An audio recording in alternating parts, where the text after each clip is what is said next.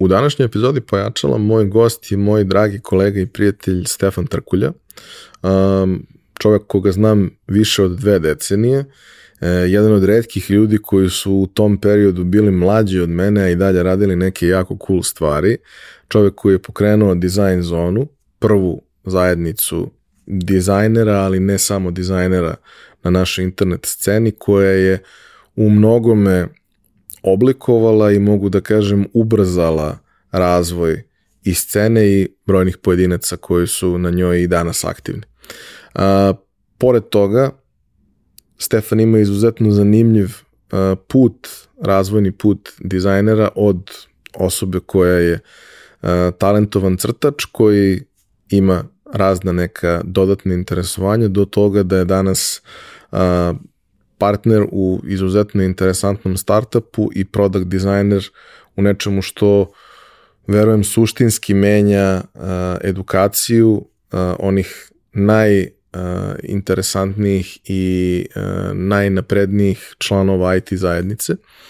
Uh, divno je čuti kako je izgledao put od 20 godina koji je na kraju osobu doveo baš tamo gde treba da bude u trenutku kada može da da najviše od sebe. Siguran sam da ćete uživati. Realizaciju ove epizode pojačala podržala je kompanija Epson.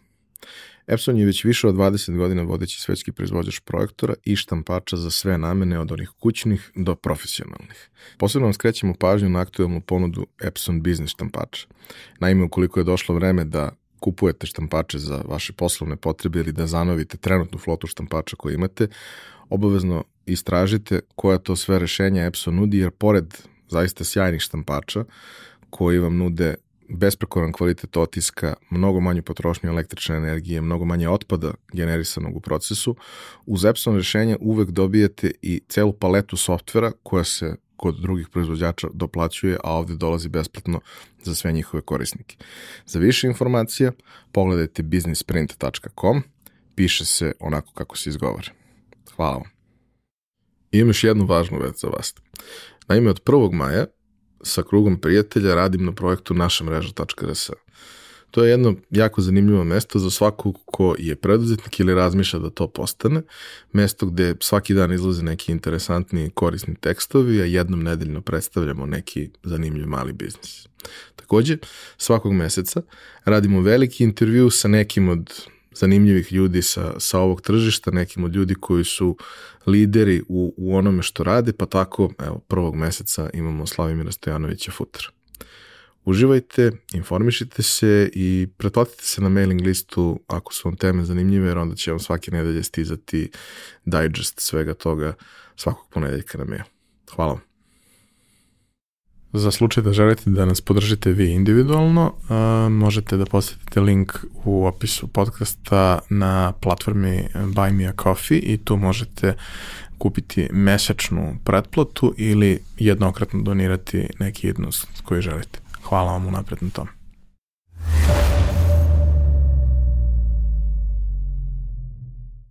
Nemam često te situacije, ali povremeno imam da mi u goste dođe neko koga znam duže od 20 godina i ko je još uz to mlađi od mene i to ne baš tako malo. A ko je i krenuo pre mene da radi neke stvari iako je mlađi od mene. Tako da danas imam veliko zadovoljstvo da, da ugostim mog prijatelja Stefana Trakulju, momka koji radi sjajne stvari već više od 20 godina ovaj, i čiji će vam put siguran sam biti interesantan i inspirativan. Dobro mi došao. Hvala, bolje te našao. Uh, ajde, pričat ćemo i kako smo došli do toga i da se upoznamo i sve, ali to dolazi u nekoj kasnijoj fazi, naravno. Kao i sa, sa svim gostima, prvo pitanje, uvek mančmelo pitanje, šta si da budeš kad porasteš? Pazi, to je jako interesantno. Ja nisam imao ono klasično, e, kad porastem bit ću to i to, jer nekako sam uvek, ono što mi se radilo, radio sam tom trenutku i to me pratilo ono i kroz tinejdžerske godine i kasnije I uvek sam imao neki moment, e, meni se sada, ne znam, ja sam bio jedan od onih klinaca što ono rastave igračke, aparate i ono, poneki sastave nazad, ali uglavnom ne. I ovaj, bio je moment kao, ok, meni se trenutno ovo radi, ja želim da budem, ne znam, želim da vidim kako se pravi video igrice. I ovaj, u tom trenutku sam, ne znam, imam 7-8 godina, nije ni bitno, hajde da vidimo koji je najbolji način da ja to naučim, gledam, ok, imali smo neki komp, ja tamo gledam kroz neke source kodove, nemam pojma šta radim, čačkam i ceo život sam tako to što me zanima čačka u suštini. Tako da nije neki klasičan, ne, nisam imao taj uopšte pojam kao ja sad kad porastem, ne, ja sam tu, ja sad radim te stvari i one mi se radi. To me jednostavno, ne znam, za bolje ili lošije, ali pratilo me ono ceo život. I sad kad si me opitao, ima interesantan moment gde sam ja pa ne znam da li sam imao 8 godina, tako nešto, imao sam moment, e, ok, ja čačkam te igračke igrice, uh, pff, meni se to sviđa, što ja ne bi mogu da napravim neku, neki servis za popravljanje igračaka. I onda smo tako u kraju, ja i drugar se ovaj, organizovali i štampali neke flajere, nacrtali u stvari neke flajere i otvorili servis za popravljanje igračaka. Imali smo možda dva klijenta za svo to vreme, ali kao eto, to je taj, poenta je ono, ja sam samo to radio, nisam, nisam nešto čekao, ajde da kažemo, kad je povoljan trenutak, kad ću porastem, nisam u taj koncept, e, ja sam sad mali, nekad ću da radim nešto, nego sam samo radio stvari. A šta je bilo sa, sa školom? Mislim, mi, u trenutku kad smo se mi upoznali, ti si bio još u osnovnoj školi. I već tad si da. radio neke relativno ozbiljne stvari, pričat ćemo i o tome, ali prosto ono, znaš, škola svima nama bila ne mogu kažem neko pretarano veliko opterećenje, bar ja to nisam doživljavao tako, nekako organizacija vremena je bila takva da to nije bilo meni strašno opterećenje, ali jeste neka obaveza, jeste sad to neki mm, nuisance za, za nešto što ste bi radi u tom da, trenutku. Da, da, da. Pa znaš šta, to se možda dobro nastavlja na ovu stvar koju sam malo pre rekao, eto, to je osnovna škola i kao I taj moment je za dosta ljudi kao, e, kad porastem biću, meni je već taj moment bio, e, ja sam sada to i to i želim to i to da radim. Uh, škola mi nije predstavljala neku prepreku, mislim, bio sam, u osnovi sam, ono, bio sam Vukovac 5.00, sve to, ovaj, mali štreber i tako dalje. To je bilo jednostavno kao, ok, uh, mora da se uradi, Uh, imamo taj ono socijalni moment što svi imaju u školi kao prolaziš ono družiš se blejš to je to je u stvari jedna od ono boljih stvari oko celog koncepta škole, srednje škole, fakultete i tako dalje. Naučiš te neke ovaj, socijalne i soft skillove. Uh, međutim, što se tiče, ne znam, ono, neke prepreke, nije mi bila prepreka. Više mi je bilo kao, e, mene ove stvari zanimaju, ova stvar je obaveza, kroz nju ću da prođem tako i tako, a svo slobodno vreme ili ono koje mi ostane ću da upotrebim da ovo što me zanima unapredim, naučim i tako dalje. E, to što mi je tu posebno interesantno, znači, kažem, u periodu kad se mi negde upoznajemo, uh, svi smo mi klinci. I svi mi pokušavamo negde to, da iščačkamo ja nešto, klinac, da, da, da naučimo nešto. Da, ti si, ja sam klinac, ti si tri godine mlađi od mene. Znači, baš ono, baš klinac.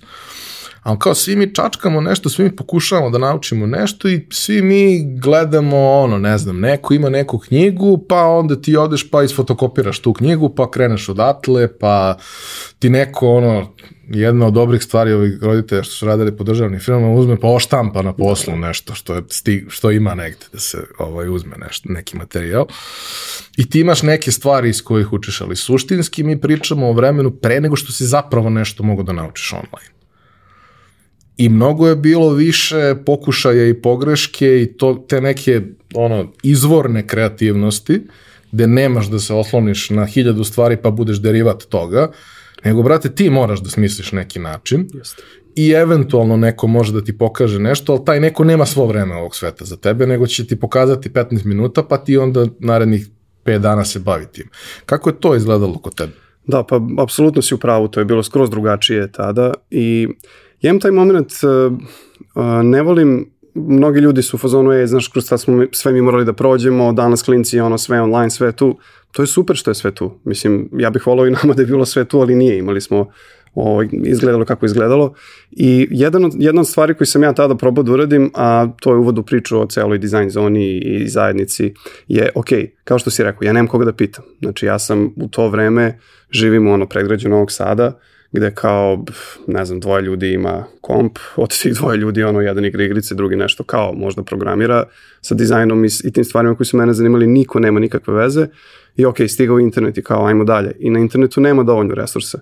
I sledeći logičan korak je meni bio, ok, ajde da probam da skupim te ljude koji znaju sve te stvari na jedno mesto i ono, da od njih naučim nešto i međusobno da učimo svi zajedno i tako je došla ta ideja, ja sam mislim to je bila 2011, 2001. pardon, ovaj, gde ne znam sa koliko, 12-13 godina, sam ja bio, ok, ajde da napravim neku zajednicu gde će svi da dođu i da sigurno ima ljudi kao ja. nisam sigurno jedini koji se muči da ono, sazna više o web dizajnu, o webu i generalno. I to je tako nekako organski išlo, ovaj, znaš, skupio si te ljude po tim četovima, forumima, tako smo se ti ja na kraju krajeva negde i prvi put videli na internetu dok se nismo upoznali uživo i ono, jedan, jedna osoba, druga, treća, peta i odjednom tu je ta neka zajednica gde svako zna po nešto, niko ne zna sve. Znači to su počeci ne samo web dizajna u svetu, web dizajna kod nas i, i, i koncepta uopšte kao, e, mi dizajniramo nešto, neki sajt, proizvod, bilo šta. I jednostavno sad svako dođe sa svojim nekim delom znanja, svi to, ta, svi su delili znanje nesebično, to moram da kažem, znači stvarno je bilo, o, nije, nije bilo tih momenta kao ne, ovo ipak e, čuvam za sebe da bi ja imao neku prednost, ne, svi su delili svoje znanje, jednostavno ja sam na neki način uz pomoć naravno ovaj, drugih ljudi, napravio tu neku zajednicu gde sam ja mogao da učim i napravio sam sebi okruženje gde kao, ok, evo ga, ne treba mi, ne znam, tad nije bilo YouTube-a, mislim, to sad zvuči bizarno ljudima, nije postao YouTube, nije postojalo skoro ništa, to su neki spe, usko specializovani forumi i to je to. Na, da, da ne kažem da na srpskom ili u regiji apsolutno ništa. I eto, tako smo došli do te zajednice i to je izrodilo mnoge ljude koji su, ja mislim, i tebi ovde gosti bili u podcastu. Jes, svakako, dizajn tako zona da, da. ono, koliko god da je možda, da kažem, poslednjih godina izgubila vidljivost i aktuelnost i tako dalje, kao u ostalom i svi forume, da se razumemo. Ove, ovaj, dizajn zona je u mnogim ljudima predstavljala veoma značajan deo njihovog života i, i njihove karijere i njihovih početaka, jer upravo to uh, ono, uh, imao si na jednom mestu gomilu fragmenata znanja različitih ljudi, gomilu tih situacija u kojima ste vi jedni druge challenge da nešto radite, ono, samo zbog toga da biste pokazali da li umete, da li možete, da bi jedni drugima davali neki feedback. Ja sam to sve gledao sa strane, meni je to bilo maksimalno interesantno da gledam, nisam sebe vidio u tome da bilo kako učestvujem jer I'm not that good. Uh, Ali Dobro, bio si stvari... ti tu, sećam se ja tebe, tu si, ono, promaljao si se. Jesam, si ali se, da. kažem, ono, nisam ja sebe nikad doživljavao kao dizajner, ja sam radio to kao što sam radio i svašta nešto drugo. To je, ono, uslužna stvar koju odradiš, ali neke stvari koje ste vi tada radili su meni bile fantastične i, znaš, ja sam mnoge stvari zapravo tamo pokupio, naučio ili našao nešto što me je trigerovalo da učim negde dalje, nešto više, u onim kasnijim fazama kad je i bilo mnogo više materijala. Tako je. Ali taj početak jeste, jeste jako značajan i ja mislim da ono, postoji preteča toga, preteča toga je da su se ljudi upoznavali kod ovih što su bili pirati i rezali CD-ove. Znači, dođeš tamo i čekaš svoj CD da ti nareže i upoznaš još pet ljudi koji čekaju istu stvar i onda se vi upoznati. Ili ti on kaže, ej, jel ti treba za to, evo ti. Broj dva čoveka koje su uzela isti set softvera. Ili ono poneseš hard diske, aj presnimi šta ti imaš, ja ti dam šta ja imam te da. razmene. Da. I onda negde kao, znaš, ono, to su bili prvi neki offline hubovi da. na neki način, onda sve ove ostale stvari koje su došle online. Ali, e, kako je formirana ta inicijalna core ekipa design zone? Volio bi da, da joj damo malo prostora da, da, da prodiše, da se tu ispriča, jer kao, ok, ti si imao svoje interesovanje. Tvoje interesovanja su bila samo mali deo onoga što je tamo bio Tako kroz je. vreme. Tako je. Tamo je zaista bilo mnogo podsekcije i mnogo interesantnih stvari o kojima se pričalo i, i fotografije Tako kasnije fotografije, i svega da, da, da. ostalog što je tu bilo zanimljivo. Da, da kao, nisi ti učestvovao u svemu. Absolutno. Nego su bili tu neki sjajni ljudi koji danas znamo, koji su svako da. gurao da. neki svoj deo. Pa malo da, da, da ispričaš da. kako je izgledalo to građenje. E, znaš što je to jako interesantno? Sad dok si ti pričao o tome, ja sam se prisetio nekih ljudi koji su, koji su bili tu ovaj, od početka i koji su bili ovde sedeli na ovoj stolici kod tebe. Uh, ne znam, Uroš Banješević, na primer, Madhead Games, on je držao taj game design deo, ja nisam imao pojma o tome uh, kako napraviti igricu od nule, kako sve to uraditi. On je to tad je on još učio, jel sad je čovek, ovaj, znamo koji šta je. Uh, bio je, ne znam, Ilija Student koji je pravio, koji je, šta je bilo, Active Collab, tada se isto zvao, da, Active Collab. Uh, koji je se bavio ono backend programiranjem, isto meni onako znam ponešto, ali manje više potpuno stranu. Ja sam više tad bio fokusiran grafički dizajn, web dizajn, dizajn interfejse koji je tek bio u pomalu. I mislim da se desilo to da uh, dizajn zona je uh, bila jedino mesto gde si mogao da dođeš da vidiš i da učiš i da vidiš i da, i da, i da pošalješ neke kreativne radove I jednostavno, bez obzira što smo mi bili u početku us, us, uže malo specializovani za web dizajn, uh, jednostavno organski je to naraslo i mi smo samo stavili te neke kao, ok, šta bi mene kao web dizajnera usput možda zanimalo, to, je, to bi bila, ne znam, fotografija, ono, da znaš neke osnove kompozicije, likovnosti, svega toga. I mi smo tako te sekcije onako malo po malo otvarali kao, ono, neka stoji, mislim, no, besplatno je, znaš, kao ništa ne, ništa ne troši, ne jede, tako da neka ih, i jednostavno su to ljudi onako redom dali taj SEO, dali ono word of mouth, šta je bilo, jer ljudi su to pronalazili i polako se stvarala neki, neke mini zajednice su se stvarale unutra dizajn zone. Fotografski deo, kao što si sam rekao, je bio u jednom trenutku ono, mogli su da se ocepe i da budu svoji, potpuno, ono, potpuno su bili nevezani za sve što smo mi, čime smo se mi bavili. A sam početak, sam sam početak je vezan za to da smo mi, bila je ta neka core ekipa i mi smo po ti nekim četovima, forumima, ne znam šta je bilo tipa ono Serbian Cafe ili tako nešto, Irci, tako, to su baš davna, davna, davna vremena. Uh, svi smo tu negde kao ovaj, čačkamo nešto, pokušavamo, tražimo jedni druge i onda sam, ja sam negde inicirao tu ideju, e, ajde da se udružimo, da, i onda sam poslao redom Damjana Stanković, malo pre smo ga spominjali, Toni Biočić, ne znam ko je tu bio u startu više, Goran Bajazetov, Andrija Kovač, to su sve ljudi koji su sada ono vrhunski profesionalci u svom poslu.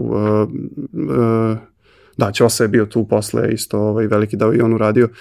I jednostavno smo bili kao, e, ok, uh, mi nemamo zapravo neko mesto gde mi možemo konstantno da kačimo naše radove, da nam ljudi komentarišu, da dobijemo feedback, da, da, ono, da napredujemo, da učimo i jedni drugima da ukazujemo na to, je, ok, ja sam nešto novo video, pogledaj ovo sada, po, ono, Damjan je recimo prednjačio u tome kao neki novi skill u Photoshopu, tad je Photoshop bio, ono, majka, i kao, znaš, uh, konačno imamo mesto za tako nešto i onda se to, taj model, se preslikao na sve te druge sekcije. Mi smo u startu nismo imali game design, mi smo imali lupam 3D ovaj, modelovanje, što je kao bilo malo vezano za ovo što smo mi radili.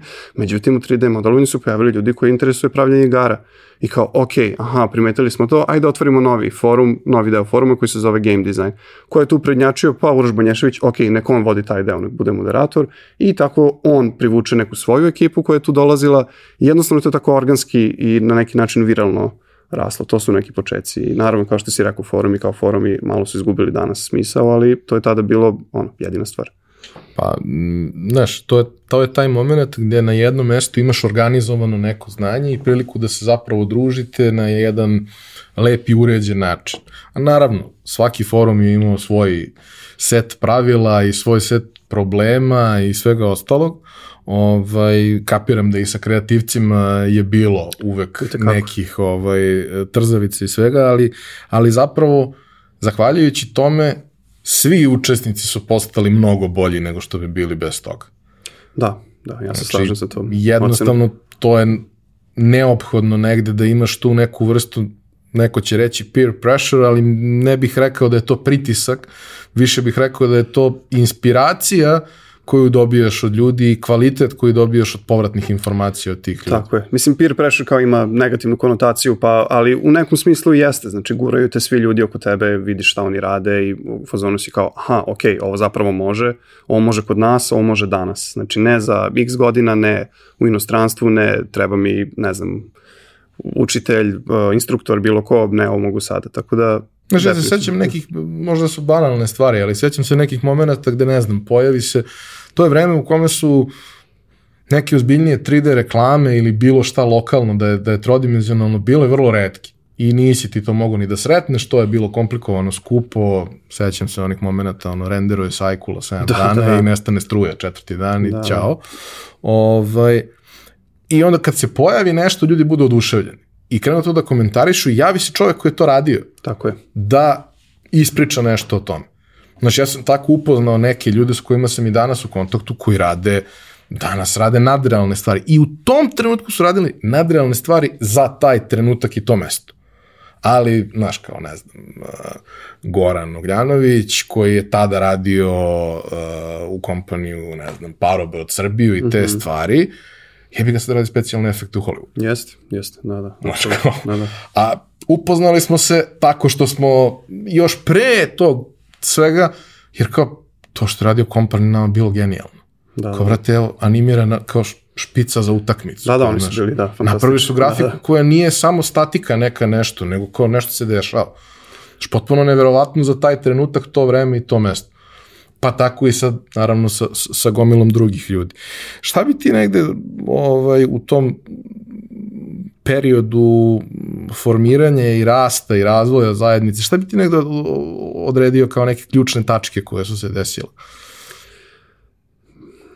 Bio je jedan moment gde smo prerasli iz kao, ok, ovo je sad neka skupina drugara koja je napravila svoj neki, hajde da kažemo, svoje neko malo dvorište gde mi blejemo i pričamo. I vrlo onako, prošlo je neko vreme, uh, znaš, to ide polako, polako i onda ide naglo odjednom. I onda se desila ta nagla ekspanzija i sa tom ekspanzijom uh, dođeš do raznih nekih izazova, tipa, ok, a, da li želimo da ovo mesto bude, sad kad su prošle neke godine, mi smo malo i bolji u svom poslu i već radimo neke malo zbiljne stvari, da li želiš da ovo mesto bude mesto za profesionalce gde će oni da razmenjuju svoje mišljenja, da li želiš da ovo mesto bude apsolutno za uvek za početnike koji će da dođe da, tražu, da, da traže informacije o tome kao kako da uradim x, y, z? I tu dolazi do, do interesantnog nekog konflikta a, svako ko, i ove ljude koji si spomenuo malo pre koji sam spomenuo, svako ko krene u jednom trenutku da radi profesionalno na duže staze, prestane da dolazi u, u, u zajednicu, jer prosto vrednost koju, koju je dobijao do tada uh, počinje se smanjuje i smanjuje. Nivo na kom on radi, vrednost koju dobije od zajednice, postane onako jako, jako ovaj, sve, sve manje i manje, ono diminishing returns otprilike se de, dešavaju i uh, glavni izazov je bio, ok, uh, kako ostaviti te ljude da im bude zanimljivo uh, za to što dolaze tu, da okače oni svoje radove, da ne sede svojim kućama i da ćute i da kao mi niko ne zna šta oni rade, kako njih motivisati, a druga stvar je bila, ok, kako i dalje početnicima dati neki prostor gde oni mogu bez straha, bez ičega, što meni mnogo bilo važnije od ovog prvog, o, jer znam kako sam ja počinio, kako je meni bilo i želim svima da pružim tu mogućnost koliko ja mogu, da svako može da dođe, ok, ja ne znam ništa o ovome, uputite me, koji je prvi korak kako hoće postanem šta god, web dizajner kao ABC. I, I to su bili neki, da kažemo, ključni, ključni izazovi ovaj, u, toj, u toj nekoj većoj ekspanziji, kako zadržati taj duh te, te zajednice i, i tu početnu ideju.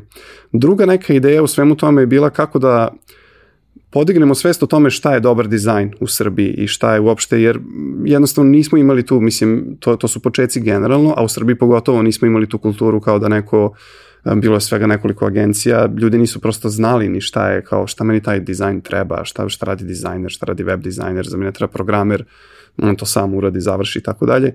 I, I druga neka misija je bila kao da dignemo nivo svesti u Srbiji među klijentelom, ne samo ovaj, među nama, nego među klijentelom šta to podrazumeva dobar dizajn, zašto je on značajan za biznis, kako on može da vam pomogne i to bih rekao da su neke ključne tačke i ključni momenti gde je bilo ovaj, ok, ili ćemo da napravimo od ovoga nešto jako zanimljivo, veliko i korisno ili imamo potencijal da ovaj, bon, zatvaramo priču jer kao ovo nikoga ne zanima.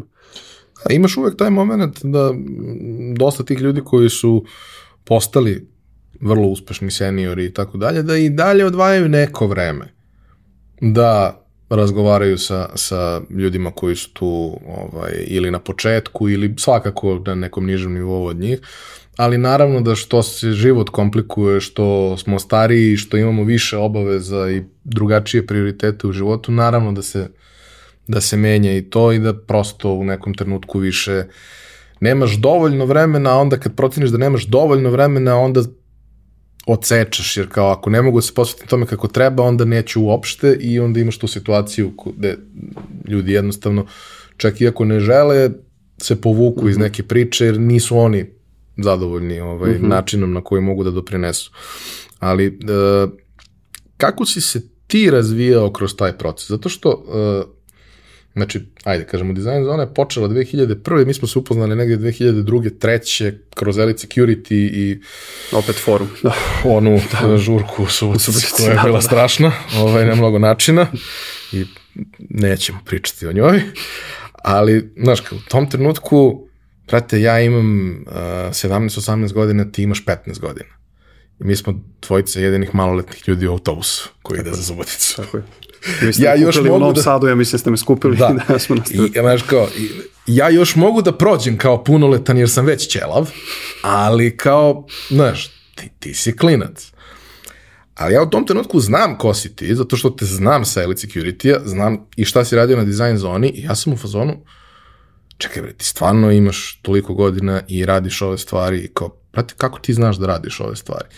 Kako je išlo tvoja kriva učenja i šta znaš, kao, ok, u jednom trenutku je to postao posao.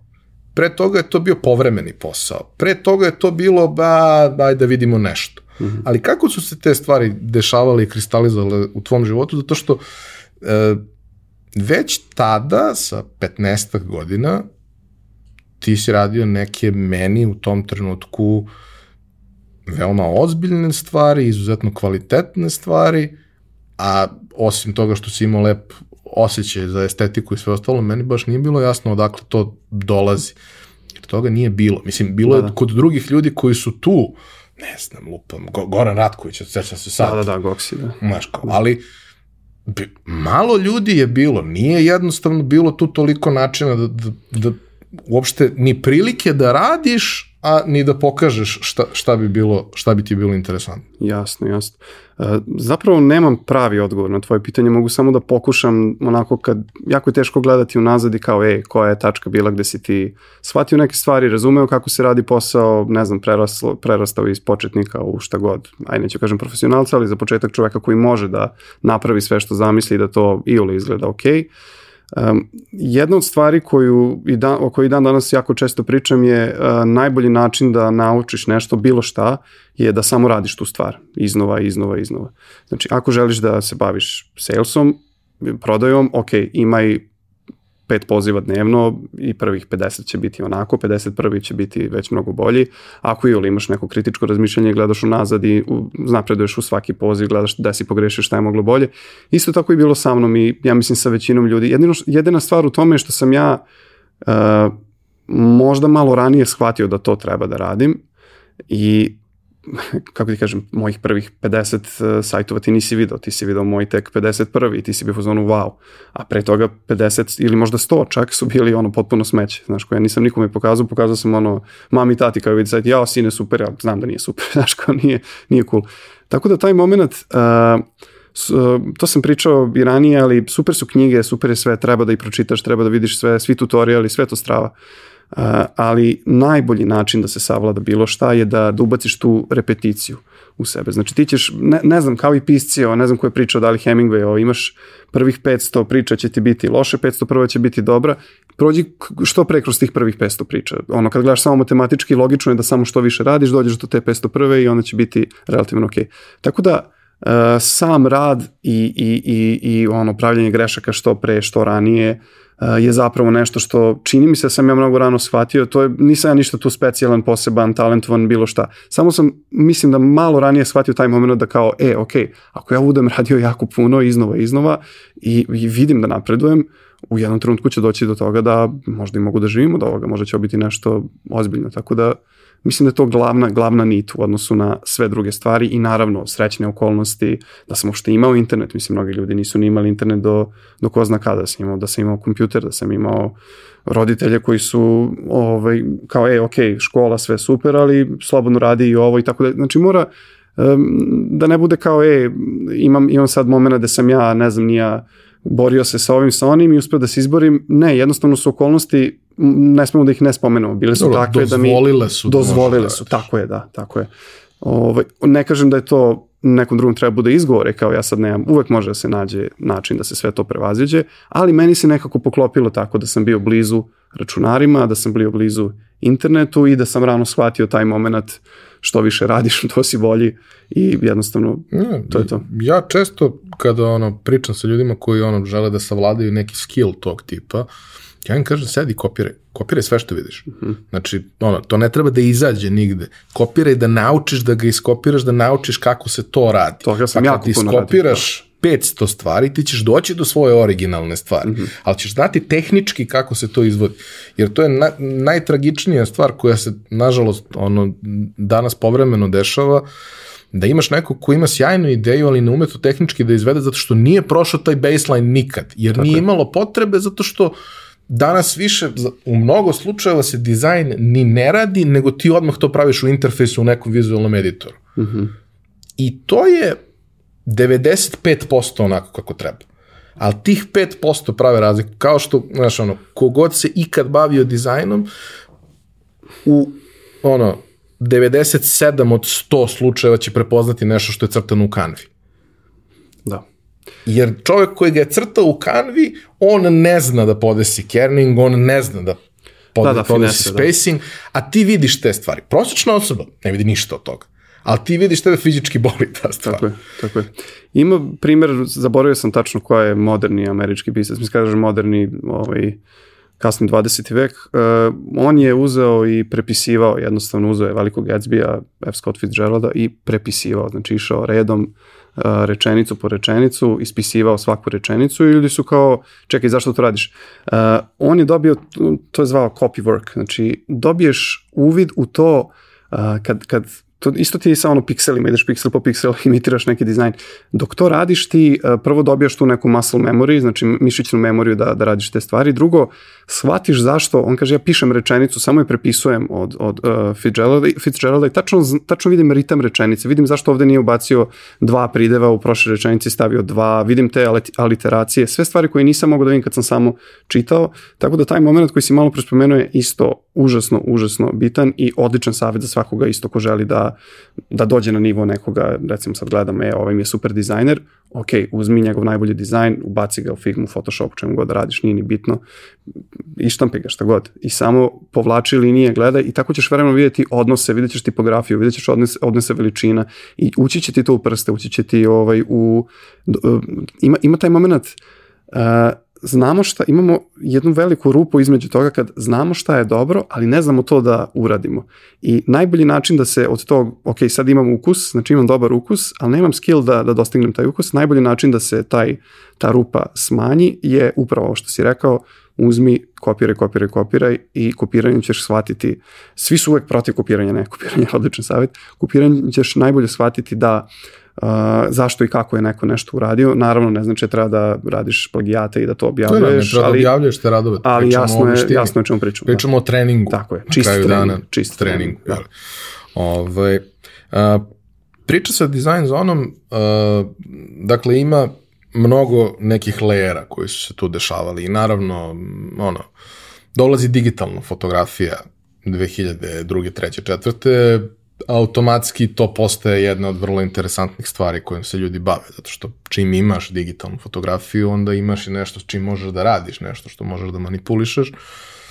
Photoshop je u tom trenutku to što jeste i pored toga što možeš da radiš dizajn, primarno on nikad nije ni bio namenjen dizajnu, bio je namenjen jeli, fotografiji, obradi, manipulaciji, tom delu priče.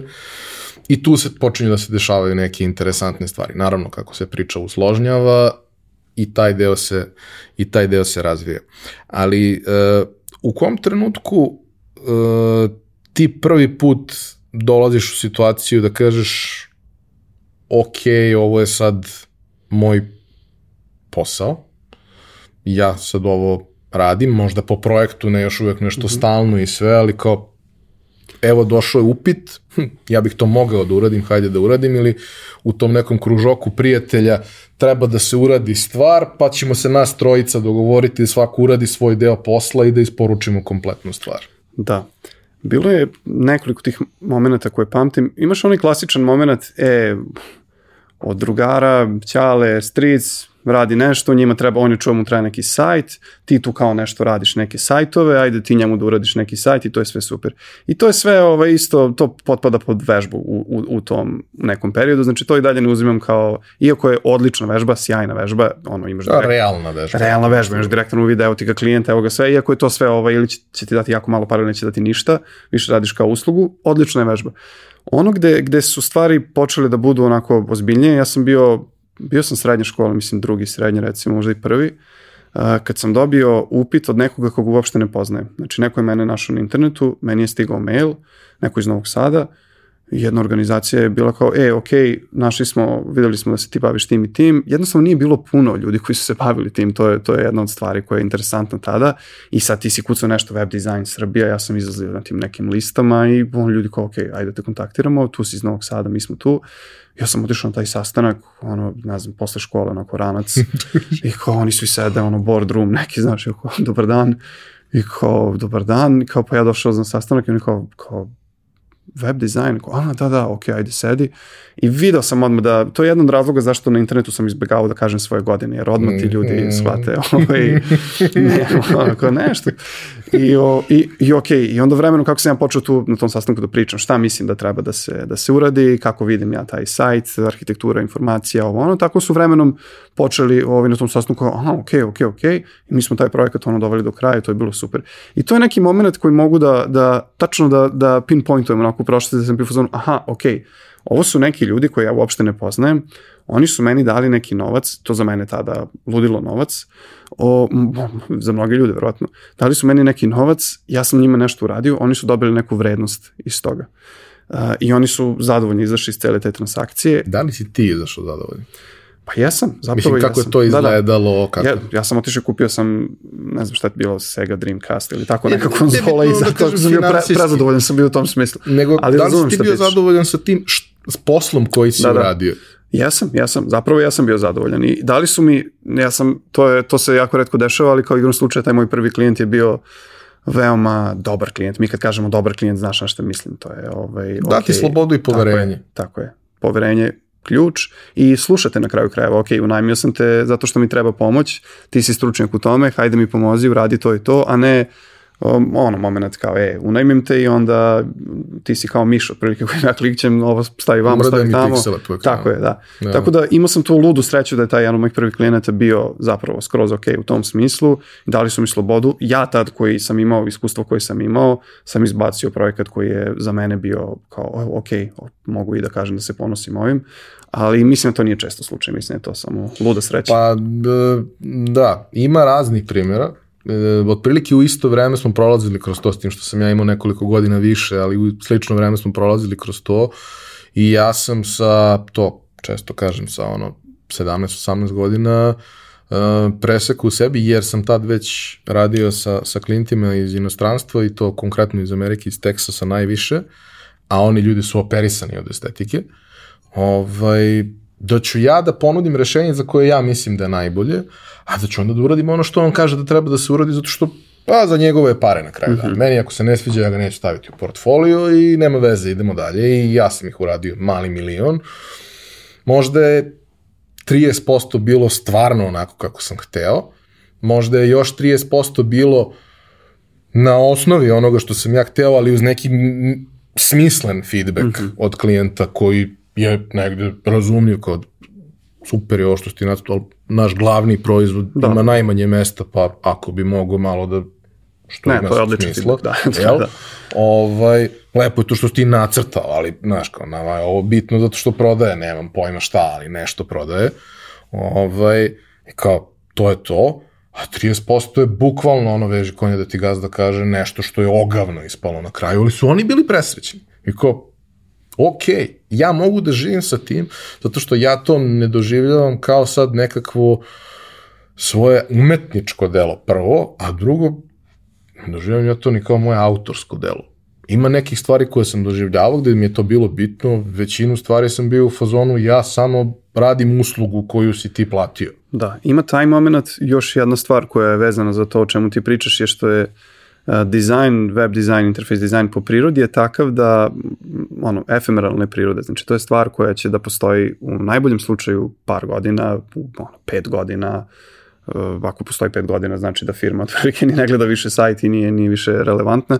Poenta je samo da, da, uh, a to dolazi vremenom, recimo to mi je trebalo puno vremena da ja shvatim da, okej, okay, prvo ti nisi tvoj dizajn, nemoj da se vežeš za, za svoj dizajn, za svaku liniju koju povučeš da gledaš i kao wow, ovo je fantastično. I, i uh, taj prelazak iz, u neki senior moment se dešava kada ti shvatiš da da, da je ono, papir je, ok, papir je jeftin, a ti artboardovi na ekranu, oni su, oni su besplatni, znači njih napraviš milion slobodno i od tih milion jedan će da izabere klijent i taj jedan će da potraje tu neko vreme i više ga neće biti.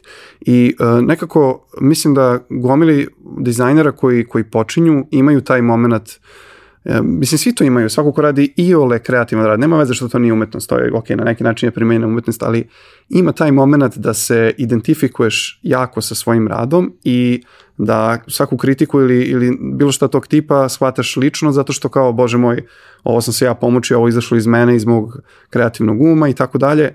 Vremenom, kako vreme prolazi, shvatiš koliko je to zapravo, koliko te blokira takvo mišljenje. Znaš šta, moje mišljenje je vremenom shvatiš ili vremenom prestaneš da se baviš time ako ne možeš da se pomiriš sa tim. Da. Jer ja znam dosta ljudi, nažalost, koji su prestali jer nisu mogli da, da razumeju da je njihov posao da klijent bude zadovoljan. Da. U bilo kojoj vrsti primenjene umetnosti, fotografiji, dizajnu, znam ljude koji ono, su odustali od, od, od svoje karijere u, u, u, u slikarstvu, jer nisu hteli da rade to šta su drugi spremni da plate, nego su hteli da rade ono što oni žele, što je legit i super, ali onda se to zove hobi i ti si jako dobar u svom hobiju, ali onda imaš posao od 9 do 5 ili imaš mecenu ili šta Tako god. je. Znaš, I u našoj slučaju ti ja smo imali neke lične projekte gde smo mogli da ono, da se razmašemo, da radimo šta hoćemo i da naravno. prosto, znaš, uvek možeš to da uzmeš da ti bude. I meni je uvek bilo značajno to što sam ja za gomilu stvari bio uvek spreman da kažem ok, uradit ćemo ovo gratis, zato što ja verujem da ova priča kako treba, onda me pustite. Mm -hmm. Onda me pustite da ja to uradim kako mislim da treba i to je prolazilo na neki način, mislim, prolazilo je u smislu pravilo je nekakav portfolio koji je meni bio zadovoljavajući za to što smo mi u tom trenutku gađali, što, da kažem, uglavnom su bili mali biznisi po Americi, po engleskom govornom području, gde ti nemaš previše prostora da praviš nešto kompleksno. Onda kasnije je to došlo jer je sa, sa svim onim što se desilo sa usložnjavanjem weba, sa mm -hmm. e-commerceom, sa svim ostalim. Mm -hmm. uh, dobro, pomenuo si prvi, da kažemo, veći projekat. Uh, šta su još neki bitni trenuci do nekog prvog posla koji je full time? Pa, interesantna stvar u tome je što sam ja jako dugo vremena mislio da nikad neću biti full time zaposleni i to sam nekako odlagao što sam više mogao, što sad u retrospektivi nije najbolja odluka. U smislu da ćeš uvek biti freelancer. Tako je, ili ću, da, ili će biti to neki moj biznis u jednom trenutku, a do tada ću biti mm. kontraktor, freelancer, konsultant, nazove to kako hoćeš. Ja volim više da kažem konsultant nego freelancer, zvuči skuplje. I, ovaj, I onda sam mislio, ok, bit ću to dosta, dosta vremena, međutim, mislim da sada, kada pogledamo nazad, mislim da bih svima preporučio da, da rade obrnuto. Znači da prođu kroz neki veći sistem, da, da vide kako to izgleda iznutra, nebitno da li je to agencija, da li je to neki proizvod, servis i tako dalje, korisno je jako zaposliti se jer vidiš sve stvari koje kao freelancer ti ne možeš da vidiš. Ti kao freelancer dobiješ onako otprilike preko zida, ti neko prebaci neke zahteve, ti tu nestaneš na određeni broj ono, sati, dana i tako dalje, ti to vratiš preko tog zida i kao, ej, je li ovo ok? I oni kažu ok ili nije. Kada si unutar sistema nemaš izbora, jer moraš da vidiš prosto, moraš da vidiš šta marketing radi, što traži, znači ti ljudi su tu oko tebe, moraš da vidiš šta uh, inženjeri iza rade, moraš da vidiš biznis kako funkcioniše i to kad imaš uh, ceo taj, ajde kažemo, jedan life cycle jednog biznisa u glavi, uh, mnogo, mnogo, mnogo je korisno da onda shvatiš, ok, ovaj moj dizajn će zapravo se koristiti za te i te stvari, ti ti ljudi će traže to i to od njega, njegov zadatak je da uradi određene stvari sa biznisom i iz tog razloga mislim da je, da je korisnije zaposliti se ranije, pa posle kada pohvataš malo kako to sve funkcioniše, onda možda izabereš da ideš svojim putem. Meni je to stiglo nešto, nešto kasnije, ja sam već bio uveliko, uveliko radio ovaj, konsultantske projekte, tad sam bio, ne znam, možda prva ili druga godina studija, zaposlen sam se u jednoj agenciji u Beogradu, Halo Agency, kod, od, kod Vlade Neranđića. I to je funkcionisalo super i tu sam naučio, ne, ne mogu da kažem sam skill u smislu dizajna, čega god frontenda, sve sam ja to negde već znao, ali sam naučio mnogo, to, mnogo o tome, tipa ne znam, kako komunicirati sa klijentom, kako uzeti te zahteve na najbolji mogući način, kako se koristi moj dizajn a, a kad je deo jednog velikog sistema gde mi samo dolazimo i radimo jedan feature umesto da smo tu od nule i gomilu, gomilu stvari koje bi mogu sada potrošiti puno vremena da pričam o njima, ali poenta je ovaj, ne, ne sam skill, ali ti neki soft skillovi i, i sve oko toga se mnogo bolje nauči kada, kada zapravo prođeš kroz neki sistem, kakav god on bio. Svaka agencija ili firma je sistem na kraju dana. Mi mislim da ima tu još jedna jako bitna stvar zapravo, posebno kad dođeš u takav sistem. E, do tad si ti radio na nekim projektima koji su super interesantni gde si imao veću ili manju slobodu, sad naravno zavisi. Ali ovde prvi put, u suštini, možda ne prvi, ali jedan od prvih puta, ti radiš sa nekim, uh, sa klijentima koji su velike etablirane firme, koji imaju svoje standarde. Tako je. Gde se od tebe očekuje da napraviš nešto što je dobro, zanatski dobro, znači sad verovatno nema previše prostora za kreativnost, dobro, ali u skladu sa standardima.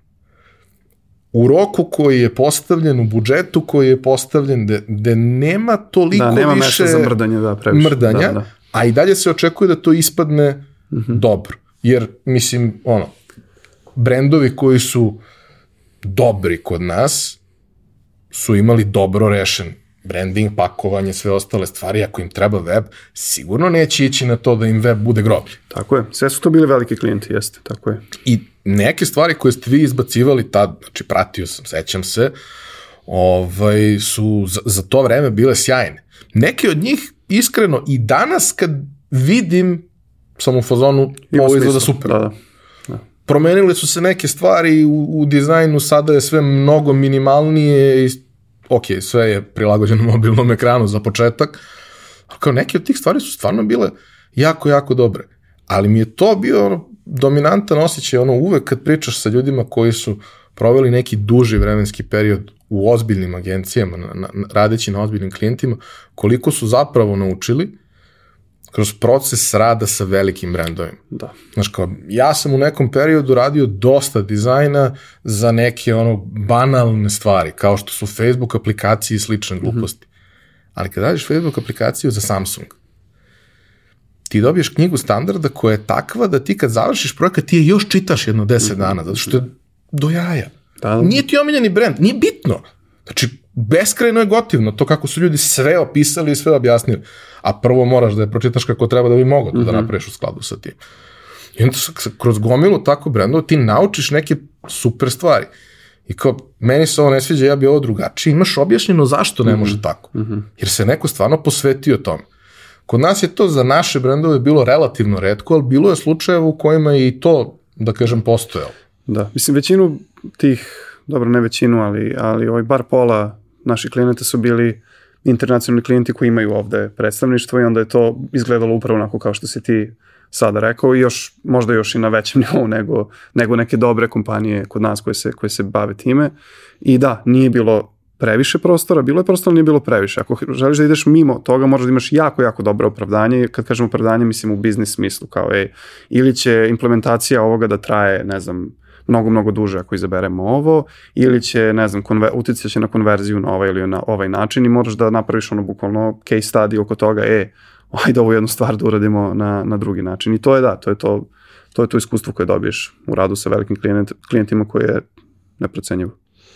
Uh, ono što je meni bitno mm, je da se pozabavimo još jednom stvari koja suštinski mislim da u tom periodu na jedan ozbiljniji način kreće da se pojavljuje, a to je zapravo taj moment, uh, da kažem, UX-a, UI-a, podele svega toga, jer do tog trenutka, mislim, ja i dan danas to kažem tako, jel?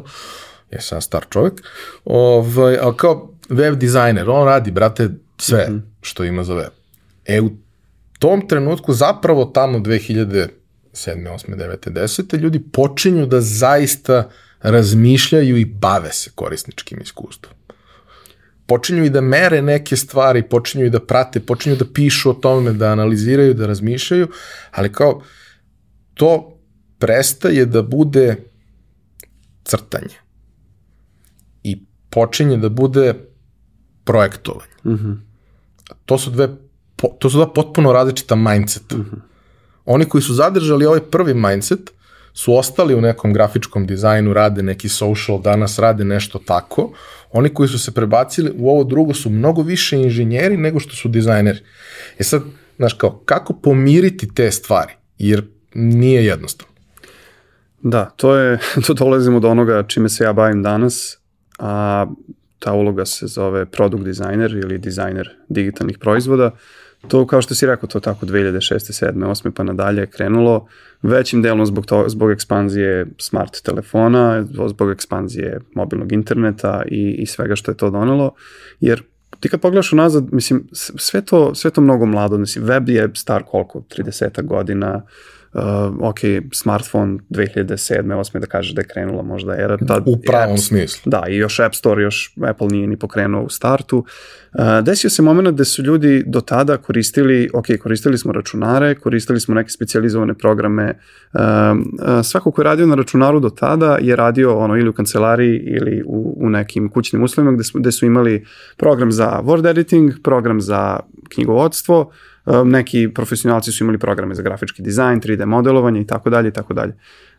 I to su Uh, to, to i dalje nije consumer grade app. Uh, consumer aplikacije su krenule da se pojavljuju zapravo prave consumer aplikacije, ako ne računamo operativne sisteme, su krenule da se pojavljuju sa tom ekspanzijom uh, i weba i, i, i iPhona i, i drugih smartfonova i prosto su ljudi uvideli u jednom trenutku kao, ok, ovo nije isto kao ovo pre. znači mi sad moramo da se pozabavimo nekim drugim stvarima, moramo da razmišljamo o UX-u, moramo da razmišljamo o dizajnu interfejsa. Uvek smo razmišljali, sad razmišljamo na drugi način. Razmišljamo u kontekstu da neko izvadi telefon, ima 3 sekunde da nešto uradi, ima palac, ima tu određenu površinu koju treba da klikne i to treba da se završi jako brzo i da on izađe. Gomila, gomila, gomila, gomila stvari i onda su ljudi krenuli, ok, šta nama treba? Pa prirodno je, ko se najviše bavio time do tada, to su web dizajneri. Ajde da uzmemo web dizajnere, pa ćemo malo tu mi nešto da izmenimo, u hodu ćemo da smislimo neke uloge, pa je to postalo UI dizajner ili dizajner interfejsa. Pa su onda ljudi kao, ok, da, super je to da mi imamo dobre dugmiće, da mi to sve ceo to, ali nas ipak zanima flow, odnosno kako će korisnik da ode od tačke A do tačke B, kako ćemo to nazovemo, to je UX, User Experience Design, ok, super. I onda kako vreme prolazi i kako se aplikacije razvijaju i kako postaju ono, mislim sad trenutno te kompanije su najvrednije kompanije na svetu, kako to postaje ovaj, rasprostranjeno, tako ljudi shvataju, čekaj, nama treba zapravo neko ko će da uzme da napravi, ovo je zapravo proizvod, ovo što mi prodajemo je proizvod, to nije više, ne zovemo ga sajt, aplikacija, tamo vamo, to je proizvod, imamo naše korisnike. Jer najčešće nije ni jedno od toga, odnosno sve od toga je ujedno. Apsolutno, apsolutno tako. I, o, I kao, ok, ako je to proizvod, hajde da vidimo malo što su druge industrije radile kada prave proizvod. I sad ti imaš kao produkt dizajner, odnosno dizajner digitalnih proizvoda, možemo da napravimo pandan sa, sa dizajnerom, industrijskim dizajnerima ili dizajnerima proizvoda, pravih proizvoda na neki način, jer uh, ok, sad uzmemo neki banalan primjer, ne znam, Bosch ili Dyson, oni hoće da izbace novi fen i oni zovu dizajnera u svojoj kompaniji koji pravi industrijski dizajn, koji im radi sve te fenove i šta on mora da zna? On mora da zna kako biznis funkcioniše, koja je ono ekonomija tog proizvoda, šta će sve da uđe u njega, koliko košta koliko koštaju te sirovine, koliko će na kraju to sve da izađe, da bi to imalo smisla, da li on može koristiti određene materijale ili ne. Mora da zna kakva je tehnologija ispod toga. Ne možemo samo da nacrta taj fen i kao evo ga, lep fen. Mora da zna koja tehnologija, koja tehnologija postoji unutra, šta to pokreće, koliko je jak taj motor, da li on ima prostora da napravi neki ludački dizajn ili nema, koja je publika kojom se, koje se plasira, što je možda i najvažnije, kakav je market za taj proizvod, pa tek onda kada sve te stvari negde skapira i ima svoju viziju kako taj fan treba da izgleda, ono treba da napravi, sad idemo ono malo niže na dizajn interfejsa, on mora da napravi da taj fan bude intuitivan za korišćenje, da ti ne treba upucu, mislim, fan, žuriš, hoćeš da sušiš kosu, znaš, imaš ono, pa onda mora prati neke konvencije, moraš ga upališ, ugasiš, imaš ono, toplo, hladno, nekad pa, brzine. mora da bude bezbedan za početak. Mora da bude Ajde, bezbedan. Da se vratimo da, i na taj. Mora i to. I onda sve te stvari koje sam, onda mora da priča sa, imaš fokus grupe, pa kao da vidimo kako ljudi reaguju na taj fen pre nego što ga pustimo na tržište. Sve te stvari koje se negde u tim tradicionalnim proizvodima, u arhitekturi se isto to dosta dešava, ali i sad ostavimo na, na industrijskom dizajnu, sve te stvari su ljudi uvideli kao, ok, nama sve ovo treba za di, digitalne proizvode. I treba nam profil čoveka koji je dizajner digitalnih proizvoda. I to znači kao što si ti lepo primetio, to više nije čovjek koji će samo da nacrta nešto, neki lep interfejs, super je ako ima i to, ali to je čovjek koji će dode još, ili žena koja će dode unazad i pogleda šta su ciljevi projekta, e, kako, kako nam izgleda tržište, kako ćemo doći od tačke A do tačke B, kako ćemo konvertujemo ove ljude da koriste naš proizvod, šta radi konkurencija i gro stvari koji su vezane za biznis, za uh, inženjersku stranu, za stranu istraživanja korisnika, pa tek onda na, na sam interfejs. I jednostavno došlo se do toga kao, ok, profilisali smo, iako je to i dalje jako mlada uloga i nova uloga, profilisali smo šta otprilike znači product designer iako zavisi od mnoštva faktora, od kompanije do kompanije, u kojoj fazi kompanija, da li praviš samo feature ili proizvod od nule i tako dalje. No dobro, mislim, ima, imaš taj moment koji meni je jako lepa ilustracija. Ovaj, iako je onaj nedavno izašli film o uh, Lamborghiniju, Lamborghiniju da. ovaj, jako, jako loš.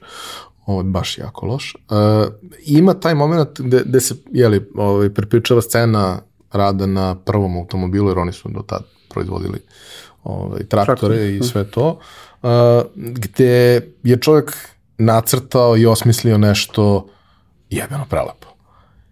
E sad samo treba da stanu unutra delovi sistema da bi to moglo da ima i adekvatne performanse i sve ostalo i naravno ne mogu da stanu zato što je on prenizak, premalo prostora ima i sad to je bukvalno opisano kao buđenje i siguran sam da je u tom trenutku bilo.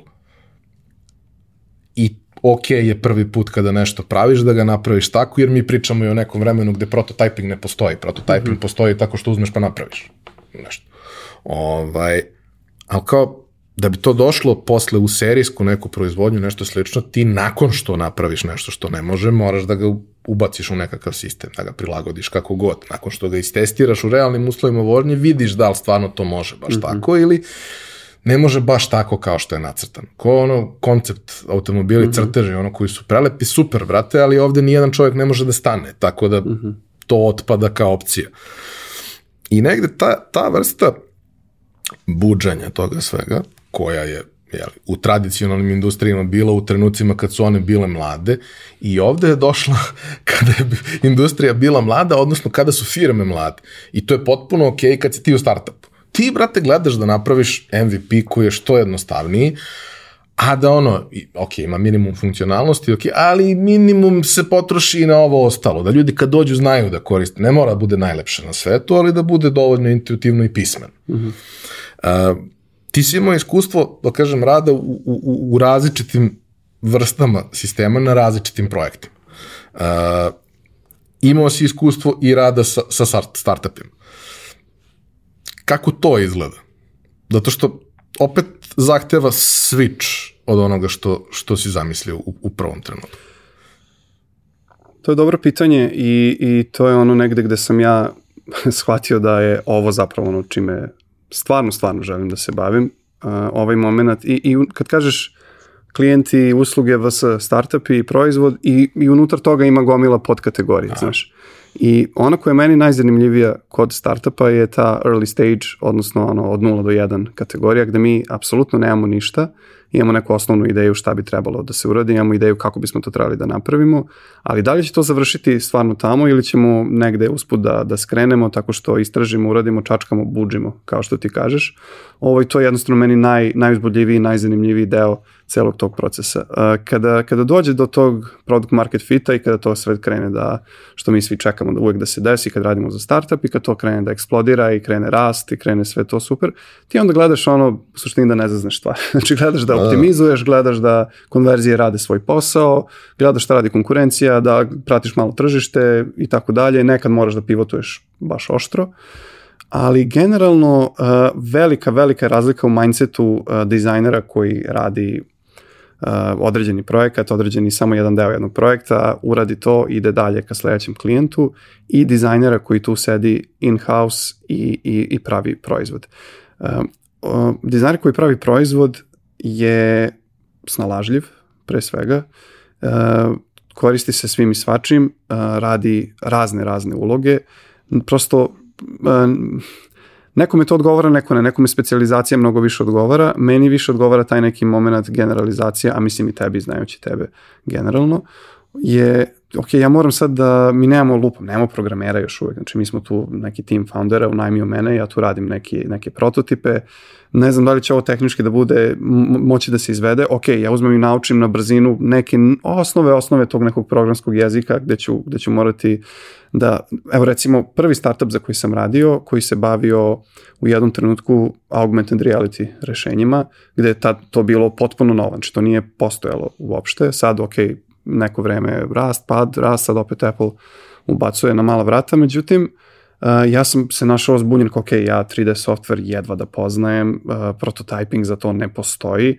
Ja sam imao momente, ok, mi pravimo augmented reality experience gde neki čovek u New Yorku, na primer, uđe u muzej, uzme telefon, uperi u neko umetničko delo tamo i dobije neku scenu oko tog umetničkog dela koja ga bolje objašnjava ili dođe u neki muzej, ne znam, egipatske istorije i uperi u kovčeg i može kroz, sa telefona da vidi kroz kovčeg na neki način. I smo mi uradili 3D prikaz kako mumija izgleda unutra.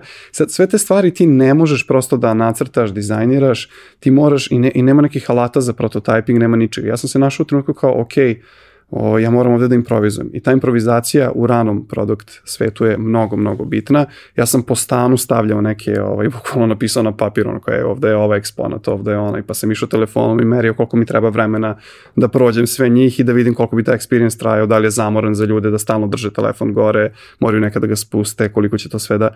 Uh, jednostavno, uh, to je sad možda ekstreman primjer jer je bila potpuno nova tehnologija, ali u svakoj vrsti građanja startupa od nule, uh, postoji taj ogroman, ogroman moment improvizacije. Ne znamo tačno šta radimo, znamo otprilike gde treba da stignemo, ali možda ni to čak nije taj cilj ako vidimo da, da postoji neki drugi put koji je mnogo, mnogo bolji i nije nam problem da se okrenemo jer smo mali smo, okretni smo, agilni smo, nije nam problem da odemo na tu stranu. To je ono što mene lično privlači, nije kažem opet nije za svakoga, ali mislim da se najuzbudljiviji dizajn posao zapravo dešava u takvim okruženjima i, i na takvim mestima. Pa sam taj moment gde ti u principu ono, kroz svoj rad postavljaš neke hipoteze koje možeš da testiraš vrlo brzo i u vrlo nekim realnim okolnostima. Jako je zahvalno. Jako je zahvalno i ni iz čega ne možeš da učiš toliko brzo kao iz tih stvari. Mislim, kažem, meni je dizajn uvek bio nekako bliži od programiranja, ali i programiranjem sam se bavio kao što sam se bavio svim i svačim i dan danas ja sam u suštini dobar da napišem brief. Ja ne treba da radim ni jedno od ta dva ali ću ja ti dam odličan brief zato što poznajem dovoljno i jedno mm -hmm. i mhm. drugo da mogu da ti dam brief koji će ti olakšati ovaj, posle odgovoriti ti na najvažnije pitanje. I to mi je, ako ćemo da pričamo o tome šta, šta radim na, na projektima tog nekog tipa, to je ono što mislim da, da najviše mogu da doprinesem i to što nekada mogu da analiziram nešto na način koji nije standardni način razmišljanja. Mogu možda i da se stavim u cipele nekog ko je prosečan korisnik, ali mogu i da dam neku ideju koja je potpuno suluda zato što sam video beskonačno mm -hmm. stvari. Mm -hmm. I mhm. to kao vidim kao neke svoje vrednosti kad, kad pričamo o svemu tome, ali ničeg od toga ne bi bilo da nije urađeno milion stvari. I da nije probano milion stvari i da nisam isto bio taj lik koji kad vidi novu tehnologiju voli da čačka mm -hmm. i da mhm. proba nešto. Mm -hmm. Jeste, to izgleda užasno i alati koje koristiš u startu su groblje i to ne liči ni na šta. Ali prvog trenutka kada ti uspeš da uradiš nešto, prvog trenutka kada ti ono sa web kamere koje je 320 puta 240 uradiš neki face tracking i nalepiš nešto na to lice. Osjećaj ludilo. ne, post, znači da. ti si kralj sveta. Jeste, jeste, jeste. To je jako, jako, jako zahvalno. Znaš, a sad imaš gomilu besplatnih i, i gotovih alata gde isklikćeš, to i samo se dešava. Dakle, nikad bolji trenutak nije za, za, za takve neke stvari i za eksperimente tog tipa. Samo da se nadovežem na ovo što si rekao gde um, kad si rekao ja sam ono, majstor da napišem brief, da, zato što si video od svega pomalo, znaš sve kako otprilike funkcioniš, ne moraš ti nužno da budeš sposoban da, uh, ne znam, isprogramiraš aplikaciju od nule koja će da skalira tamo vamo, ali ti znaš uh, šta stoji tu iza. Kao da se samo vratim na, na čitavu ovu analogiju sa, sa fenom i sa svim tim, samo da završim, da poentiram tu, kao što si tamo morao da znaš kakva je tehnologija, kao što su ovi u uh, prvi automobil Lamborghini, znaš, morali da znaju kakav je motor, tako i ti ovde kao dizajner digitalnih proizvoda moraš da znaš uh, koje su, koje, koji su limiti te tehnologije sa kojim radiš, koje su prednosti te tehnologije sa kojim radiš, uh, moraš da znaš sve te neke stvari bar pomalo. I mislim da taj proces uh, produkt dizajna i uloga produkt dizajnera nekako taj neki amalgam svih tih uh, kao što si ti rekao, ne znam da uradim na možda na najboljem mogućem nivou, ali znam šta je i znam kako se radi i znam da postavim neki prototip ili neke osnove. Ljudi koji, koji puno toga znaju na taj način, koji vole da čačkaju, probavaju nove tehnologije, nove stvari, oni su po meni idealni kandidati za dobre produkt dizajnere i za karijeru produkt dizajn, idealni kandidati. E sad imaš i taj jedan moment koji isto mislim da je tu, tu interesantan, baš konkretno na tom iskustvu ovaj, o kome pričaš, je e, što, dakle, kako prolazi vreme, kako prolazi iteracije, tako treba osvežavati stvari. I treba pratiti nekakav trend koji se pojavljuje, koji, kažemo, vizualno menja stvari. Sad, postoji onaj jedan ekstremni moment kada je sve prešlo iz realističnog dizajna u minimalistički, mm -hmm i dan danas mi je žao zbog svega toga, ja i dalje kad vidim onaj stari interfejs iPhone-a se rasplačem od sreće. Da, ima dva kampa, jedni žale, drugi su u zonu maja. Je, kao, sad. Mislim, jeste ovo, da se razumem, jeste ovo bolje. Ali ja sam emotivno vezan za neke ikonice i jasne, nikad me neće jasne, proći. Jasne. Znači, kao, to je to. Ovaj, ali e, taj moment gde ti prosto to, imaš nešto, to kreće da raste, kreće da ima neki user base i sad ti ne možeš da praviš više krupne izmene. Ok, možda neke stvari možda testiraš na jako malom uzorku, ono, na 5% mhm. ljudi ćemo probamo nešto čudno, pa ako sjebemo, sjebali smo mm -hmm. 5%.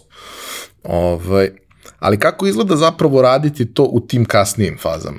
I koliko je tebi to bilo interesantno gde ti u suštini cediš suvu drenovinu. Da. Pokušavaš da izvučeš 1% da. više negde. Da, sad to je u suštini trenutak gde ja izlazim iz kompanije i tražim sledeći izazov.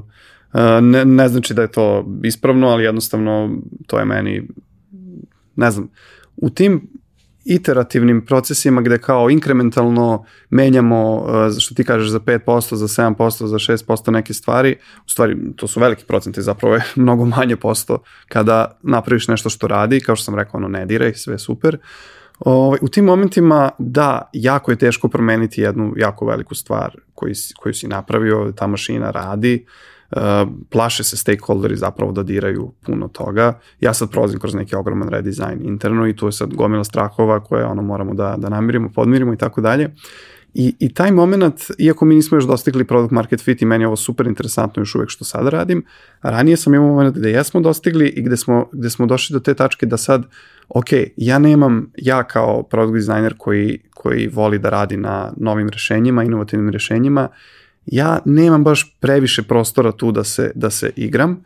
Postoje kompanije kada dođu u neku kasniju, kasniju fazu, kad o, startupi, konkretno iz Silikonske doline koji uh, postanu unicorn, jel, što je svima, svima cilj. Uh, oni zapravo u tom trenutku već imaju neki R&D department i možeš tamo da ideš i da se zezeš ono, do mile volje, da praviš neke ono, stand-alone projekte.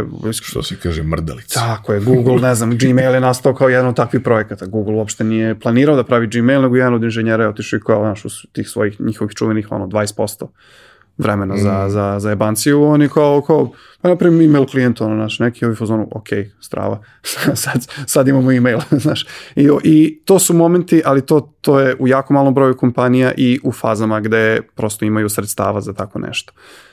Sad sam otišao sam, otišao sam u digresiju, ali na, na tvoje originalno pitanje da se vratim, uh, drugačiji je posao, znači to su dva meni nekad potpuno različita posla, ovaj, rane faze i Da, mislim da u update. tom trenutku negde ono, posao prelazi u ruke analitičara, a ljudi koji treba da ga izvršavaju su crtači. Da. Ljudi koji crtaju taj interfejs, ali ne moraju da znaju širu sliku. Postoji neki moment kao što se sada dešava, gde uh, desi se recimo nova tehnologija se pojavi i ovi svi startupi i velike kompanije koje su lagane, sve super, idemo polako, imamo mi ovo svoje, nećemo, znaš, kao povećavamo conversion rate, imamo growth, to je sve strava.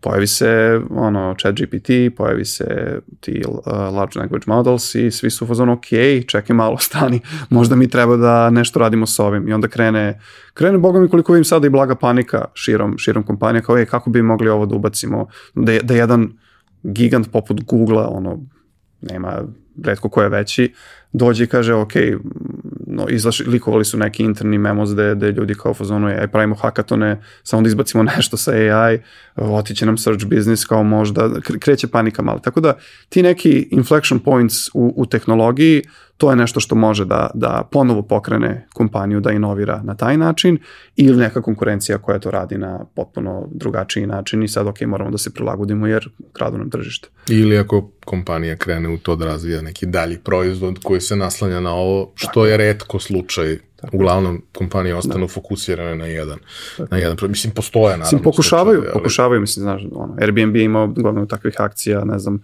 Amazon se širi na sve strane, ono, ali, ali to je sve, kako bih rekao, uh, kad imaš tu mogućnost, kad si, kad si već na tom nivou da kao, je, ok, što ne bismo probali ovo, šta imamo da izgubimo par miliona ili par desetina miliona, to je ono grand scale, a potencijalno možemo da dobijemo milijardu da povećamo vrednost naše kompanije. Je, dobro, To je mislim, okej kocka. Ono, znaš, kad, kad gledaš tu celu priču sa Amazonom, meni je baš prezanimljiv ce- ceo taj switch e, iz toga da, um, ok, mi smo e-commerce biznis u osnovi, gde sad ok, oni su e-commerce biznis u osnovi najveći na svetu, ogroman broj zaposlenih sve ostalo, ali kao ti kad shvatiš da je njihova AWS, infrastruktura ono, drži četvrtinu interneta, nije ti sve jedno. Tako je. I nikad, znaš, ono, mo, moj prvi osjećaj kod većine ljudi koji nemaju to 30 godina sedenja i čukanja na tom internetu, njihov osjećaj, e, pa super, kao, znaš. Osjećaj nikad nije bio dobar kad su takve stvari u pitanju. Kao, znaš, 25% svega je u rukama nekog pojedinca ili pojedinačne kompanije. Meni se to ne sviđa zato što to je ono single point of failure. Da, da. Ok, neće se desiti najverovatnije i sve ostalo, ali kao, znaš, ono, imali smo, ne radi pola interneta zato što je neko u Google u DNS rekord upisao nešto što ne treba. Da, da, ili presečen kabel AWS-a u Amsterdamu i kao, evo, nema nas. Da. Što su stvari koje ne bi trebalo da mogu da se dogode, ali u, u realnosti se događaju, a tebi život zavisi od toga, to ti je žila kucavica ti ako nemaš. Mislim, skoro sam baš imao razgovor sa, sa jednim klijentom na, na tu temu gde kao ono, ulaze u nešto što, što je malo više nuđenje infrastrukture, a malo manje bavljenje njihovim privatnim, njihovim biznisom koji je uspešan. I ja im kažem kao ljudi, mislim, jel imate vi neku garanciju za infrastrukturu koju nudite? Što god je u pitanju.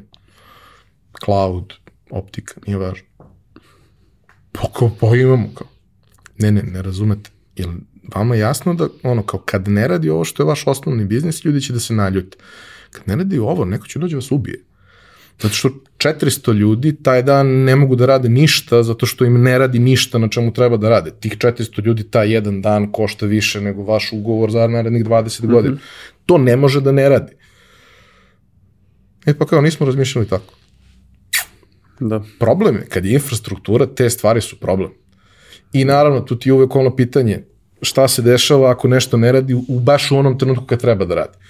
To je uvek bio problem skaliranja sa, sa sajtovima. Znaš, kao, danas je, ne znam, izašao na nacionalnoj televiziji i naravno sajt ne radi zato što je na shared hostingu, jer što hosting ne bi koštao 50 evra godišnje. Mi smo imali moment sad baš skoro, imali smo jedan veliki demo ovaj, sa velikim, velikim, velikim corporate enterprise klijentom i trebalo je da deployujemo nešto što je baš napravljeno za tog klijenta i GitHub ne radi. I ne radi pet, i sad možemo mi da se prebacimo sa GitHuba da uradimo nešto drugo, ali to je sad ne, ne proces, ne, možemo. Jed- Jednostavno za to kratko vreme ne možemo. I onda smo samo kao, ok, šta ćemo da radimo? Pomeramo sastanak. Pomeramo sastanak ono gde su ono, vice presidents of ovoga ili onoga. Nemo demo, jednostavno nemo demo. I to je, to je baš ovo o čemu si ti pričao, to je jedna neminovnost, nažalost, danas i tako je kako je. Da, imaš neke fiksne tačke od kojih prosto ne možeš da. da, odustaneš tek tako. To je kao što kad bi rekao sad, ono, ne znam, auto mi je na dizel, ali dizela više nema, može da se konvertuje na benzin. Mm. može, brate, ali, Ali- da, znaš, da, ali ne može. nije baš tako Da. jednostavno. Da. Ovaj, e, a, nakon tog iskustva u uh, startupu, ti si se vratio tome da budeš konsultant, odnosno da radiš projekte i po projektu da budeš angažovan. I tad smo negde ono kao ponovo krenuli da se čujemo i da pričamo i tad sam ja nešto se i sa Dakijem stalno čuo mm -hmm. i pričao i baš je bila priča o tome kako realno sazreli ste da više ne želite da radite stvari koje su koje nisu ono što vas zaista zanima. Što mislim da je jako važno da ono čovjek osvesti kod sebe nakon neke ozbiljne kilometraže i karijere. Da. Možeš ti da radiš, naći ćeš bez problema posao koji je jako dobro plaćen sa svojim referencama i CV-em i portfolijom, nikakav problem, ali ono što, da banalizujemo, neće da radim sranje više. Znači, ne zanima me više da štancujem, ne zanima Tako me je. više da, ono, želim da koristim sve ono što sam naučio, da dam celog sebe nečem. Pa okay, umeđu vremenu ću raditi projekte, jer ok je da i održavaš kondiciju i prihodi i sve ostalo, ali meni se čini neko da si ti tad zapravo krenuo da tragaš za tim šta je to što ćeš da radiš. Tako je. Kako si razmišljao u tom trenutku?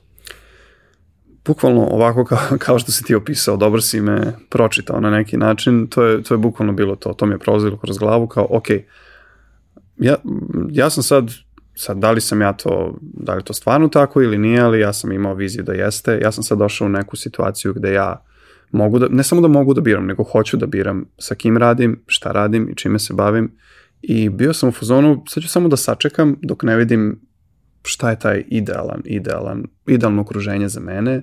Imao sam neke, onako seo sam, otvorio notepad i krenuo da kucam šta su stvari koje, koje meni u ovoj godini, posle ovoliko godina iskustva i svega, vidiš, imaš te neke referentne tačke unazad, znaš šta voliš, šta ne voliš, šta su stvari koje ja želim. E, od toga kakav je tim, znači sa kim radim na dnevnom nivou, kako izgleda taj proces, preko toga šta moja uloga podrazumeva, koliko ću stvari da radim, koliko neću, do toga ono malo pre što sam pričao u kojoj je fazi kompanija, da li je ta branša, odnosno vertikala u kojoj oni operišu, da li je meni bliska.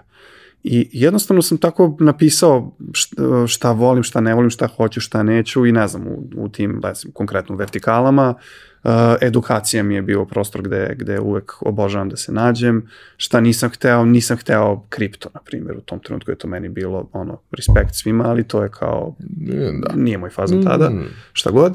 I, ovaj, I tako sam napravio tu neku listicu i bio sam u fazonu kao, ja ću sad da čekam, kao i ono, gledao sam oglase, gledao sam ovo, ono, I umeđu vremenu sam radio te honorarne projekte kao, i to sam kao samo product design lead kome treba, ok, napravi se tim, uh, treba neko MVP da se napravi što pre, ja sam vidio kako se to radi mnogo puta pre toga, uh, organizujemo se, ja vodim, nekad sam product owner, nekad product manager, iako se to zove kao product designer, sve i svašta, i tako sam to ono raduckao umeđu vremenu, napravim pauzu, mesec dana ne radim ništa, pa mesec dana dva projekat i tako dalje, dok ne iskoči nešto što mi se sviđa.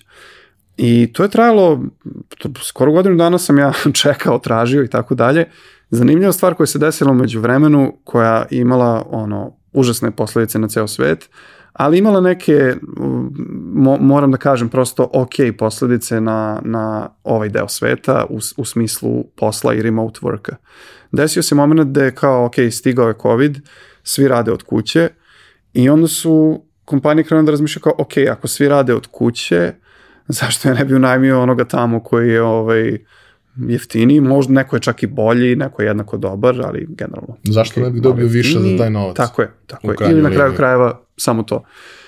I jednostavno mi, kad, kad kažem mi, mislim ono ljudi koji sede ovde u Evropi ili u, ili u ovaj, konkretno i u Srbiji smo se našli u situaciji da, ok, sad mi možemo da zarađujemo neki mnogo veći novac, da ne moramo da sedimo u kancelariji. Postoji ta vremenska zona i ta cijela razlika, malo moraš da se prilagodiš, ali nije ni to na kraju dana, ima, ima, ima ovaj načina da se to uz Slack, uz tu async komunikaciju.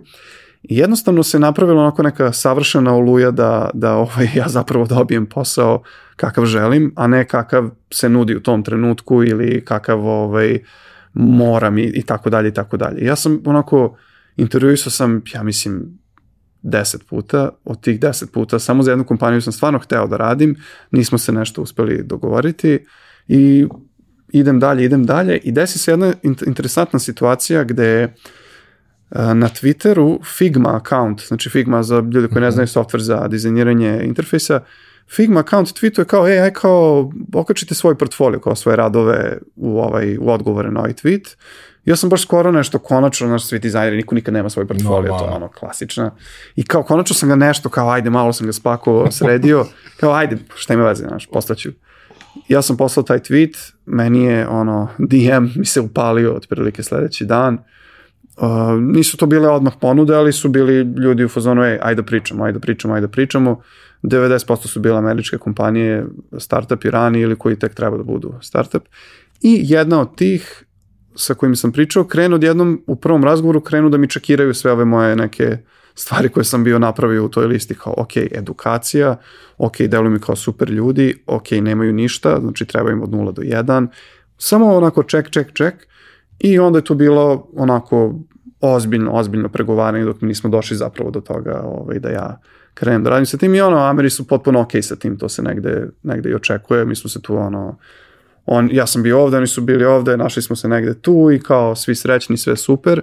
I jednostavno taj moment gde je, ne znam, posao na neki način našao mene i gde sam ja došao do te situacije kao što si ti rekao, imam sad već ozbiljniju malu kilometražu i mogu bar malo više da biram gde ću, šta ću i kako ću, je doveo do toga da ja sad sedim u Srbiji, vodim product design za kompaniju u Americi koja je dobila seed round od ne znam koliko je, 12 miliona, koja, koja čeka da dobije Series A, koja ide dalje i koja, gde, gde sam ja od početka tu sa njima, od piča koji smo pravili za investitora do, do ovaj, prvih prototipa, do sada već biznisa koji se jel, razvija i pravi neki novac i tako dalje.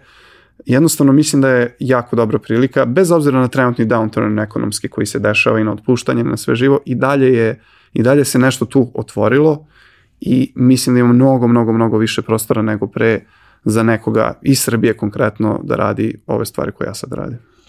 Um, bio si na našoj konferenciji u Zrenjaninu, držao predavanje o, da kažem, tome šta si naučio kroz ovaj proces rada na konkretno ovakvom proizvodu. Taj segment je bio negde posvećen na različite načine edukaciji I meni je, da kažem, posebno interesantno što, da, postoji ekspanzija prodaje znanja online na sve moguće načine, u svim mogućim količinama i za sve moguće cene. Ali moj neki dominantni utisak je uvek bio za većinu tih stvari, ako pričamo o onome što je najmasovnije, čega ima najviše, to su kursevi, e-bookovi i slično, mm -hmm. da je to mahom đubre Ovaj, I uvek sam imao problem sa tim da mi neko e-book nakucan u Wordu i spakovan u Wordu uh, prodaje za, ne znam, 79 dolara, a vrhunska knjiga na tu temu na Amazonu košta 29. Mm -hmm. I kao, ok, možda dobiješ elektronsku ako baš hoćeš, ali ja sam taj što voli da, da ima u papiru. Ovaj, I nekako mi to uvek bilo problematično. S druge strane, cela ta industrija sa kursevima, ne pričam sad ni, toliko ni lokalno, koliko i globalno, ekspanzija toga gde si suštinski došao do toga da sa izuzetkom par nekih sistema, vrednost koju ti dobijaš je zaista sve manje i manje. Ok, i cene su sve manje i manje, ali ja nemam vremena.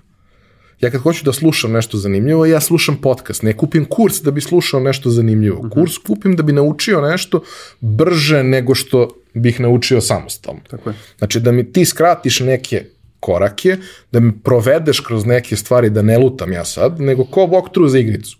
E, zato iz mog ugla služi kurs. Sad naravno postoje različite vrste kurseva, za različite nivoje znanja koje želiš da stekneš neki izuzetno visoki nivoi znanja, imaju ono kurseve sa standardizacijama, sa sertifikacijama i sve ostalo, oni se nisu menjali 20 godina mm -hmm. unazad, ono, znaš, kao, za mrežne admine kursevi mm -hmm. isto funkcionišu da. 20 godina unazad.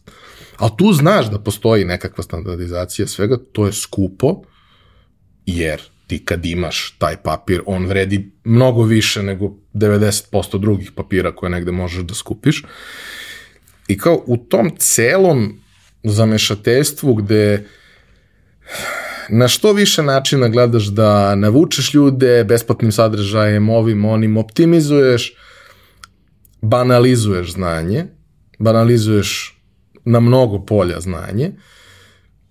Kad si mi rekao, odnosno kad sam video gde si počeo da radiš, pa smo posle pričali, to što sam video tamo mi je bilo do jave. Što kaže odrasli ljudi. ne, neki odrasli ljudi koji su vrh u onome što rade, rade sa nekim, kažemo, relativno malim grupama, neke jako ozbiljne stvari, na jedan jako dobar način. Znaš kao, ne znam, svi smo u nekom trenutku, ako ništa ono za novu godinu, ili kupili ili dobili masterclass. Mm -hmm. I super je. Ali ja ništa nisam naučio. Ja sam se samo mnogo dobro zabavio gledajući to, posmatrajući to kao dokumentarce. Jer u velikom procentu slučajeva jesu. Ok, bilo je i nekih stvari koje su tangible, koliko toliko. Da, to su neki nageti onako koji Ali si to je pre svega ti slušaš, brate, ono, podcast od 20 epizoda da, sa da. Malcolmom Gladwellom ili da. kim god, nebitno. Ono, nećeš naučiti da igraš poker slušajući Phil Ivey, sigurno. Mm. Neke stvari ćeš možda da, da, da pokapiraš i počećeš da razmišljaš drugačije, fine. Nećeš naučiti da šutiraš trojke gledajući Stefa Karija, ali ćeš da počneš da razmišljaš o tome kako mehanika funkcioniše. Sve je to super, ali to nije znanje. I ja jako imam problem sa tim kada se to brendira kao znanje. Naučite pregovaranje od čoveka koji pregovara za, za FBI sa, sa tavcima. Da, da, ne, ne, ne, nećeš naučiti ništa. Možda ćeš da pokupiš neki, ono, gimik za sastanak, mm -hmm. ali nećeš naučiti ništa. Ovde pričamo o potpuno drugačijem principu koji ne insistira na masovnosti, ne insistira na svim tim stvarima, I ima tu jednu divnu osobinu koja gotovo da u toj industriji ne postoji, a to je da e, kada pogledaš broj kupljenih kurseva i završenih kurseva, neko ko je odslušao do kraja preko trećeg ili petog poglavlja, taj broj je smešan, taj procenat je smešan. Mm -hmm. I onome ko prodaje kurs to nije bitno. Najčešće. Ja s tim imam problem. Ja bih svakom od ljudi koji nisu odslušali nešto što sam ja pravio vratio novac, zato što Nije, nije u tome poenta. E sad, super mi je interesantno bilo predavanje, ko je bio tamo, ima prilike da ga osluša, ali bih voleo, znaš, da, da, da malo pričamo o proizvodu i o tim nekim principima na kojima je proizvod zasnovan, o idejama na kojima je proizvod građen i mhm. kako je došao do faze u kojoj je sad, ok, bit će, kao što si rekao, redesign, ali i ovo sad o čemu pričamo, meni je sjajno i mnogo mi je drago da te posle 20 godina karijere vidim u nečemu takvom. Jasno, jasno.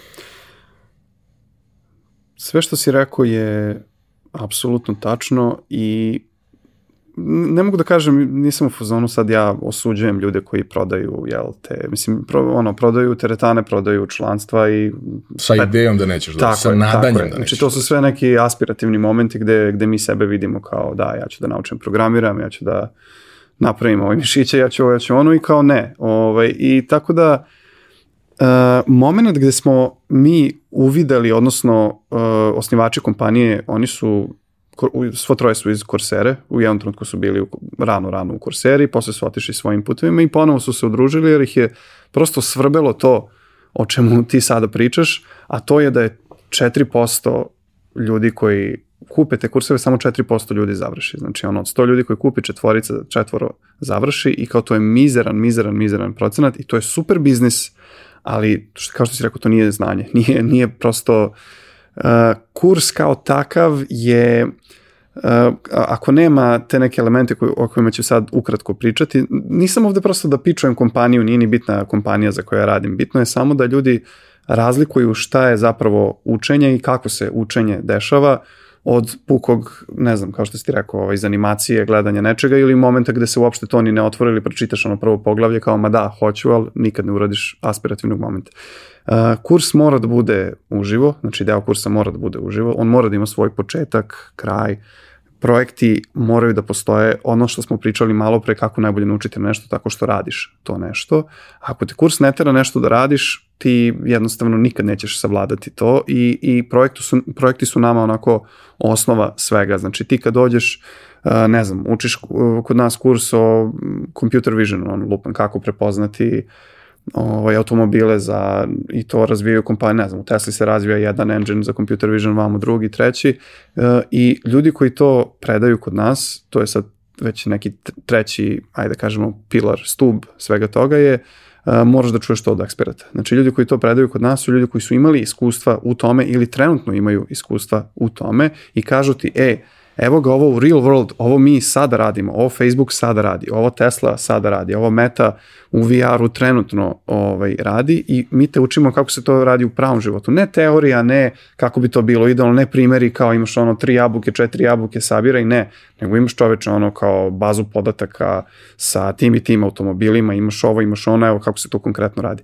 Znači, konkretni projekti, uživo uh, kurs, moment gde stručnjaci ti govore uh, o tome i moment da ti možeš da tražiš pomoć, kao što si ti rekao da poučiš nekog za ruku i kažeš, ej, čekaj, pa ne razumem ovaj koncept, ne možeš malo bolje da mi objasniš.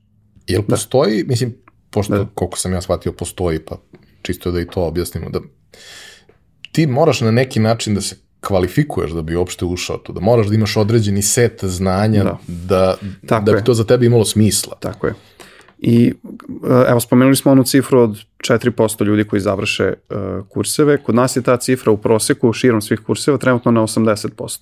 I to je koliko ja znam, ono, ili najveće ili jedno od najvećih trenutno u industriji. I tu cifru smo dostigli, sad ko je bio na tom predavanju u Zrenjaninu, znači o čemu pričam, ali dostigli smo svim ovim stvarima koje sam ti rekao, između ostalog i selekcijom, jer nije svako spreman za svaki kurs u svakom trenutku. Jednostavno, ljudi se nekad precene. Ne mogu ja sad da dođem, ne znam, neke osnove computer science-a i hoću da uzmem da se bavim e, ne znam čim, ono da pravim kompajlere, razumeš, za ono iz procesora da napravi nešto, ne mogu jednostavno, nije, nije to taj nivo. Ok, e, mi imamo neki formular na početku koji ti popuniš gleda i sad ako, ako se kvalifikuješ, Da, možeš, ako, što je meni bilo potpuno strano, ja sam kao dizajner i kao produkt dizajner, pričali smo o konverzijama. Ja samo, ceo život su me učili što više ljudi sa što manje frikcije, da što jo, pre uđu, da, trpaj, trpaj, znaš, nek ulaze.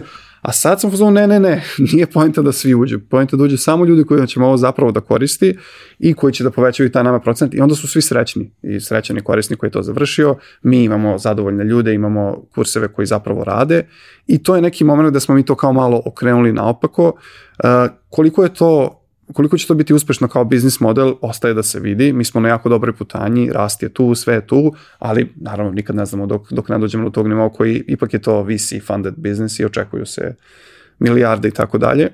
Ali jednostavno taj koncept kada se tako malo okrene na glavačke dobiju se jako, jako interesantni rezultati. Dobiješ ljude koji, koji posle tih kurseva napravi se zajednica, pričali smo o zajednici na početku. Nekako u ovoj kompaniji gde sad radim, i na ovom proizvodu sve ovo o čemu smo pričali ranije se spojilo i došlo je na jednu i edukacija i zajednica i sve te stvari o kojima sam ja uh, pričao ova zadnja sat i po dva koliko je moment gde uh, sve to se uh, skuplja na jednom mestu i ja vidim, ne znam, imamo ljude koji uh, e, mi smo otprilike klasa, generacija ta i ta, završili smo ovaj drugi kohort ovog kursa, e, ajde dođi kod nas da radiš ili ajde ovo, ajde ono. Znači, ljudi se i dalje pomažu, postoji taj neki community koji, koji traje daleko posle završetka tog kursa, što je meni izuzetno drago. Tako da sve te stvari o kojima, o kojima sam sad pričao su kulminirale time da ja baš na ovom mestu radim baš ovu stvar i eto, to je, to je ono što mogu da kažem o, o celom putu kako od klinca sa web dizajn ono, u osnovnoj školi, pravimo neke zebancije do momenta da sva ta iskustva se spoje u, u, u startup gde, gde ti vodiš priču onako kako misliš da treba i gde ljudi to prepoznaju i sve za sada funkcioniše super. Um, ima tu jedan moment koji isto mislim da je jako važan. Ti si ga pomenuo donekle, ali uh, ajde da malo još uđemo u to.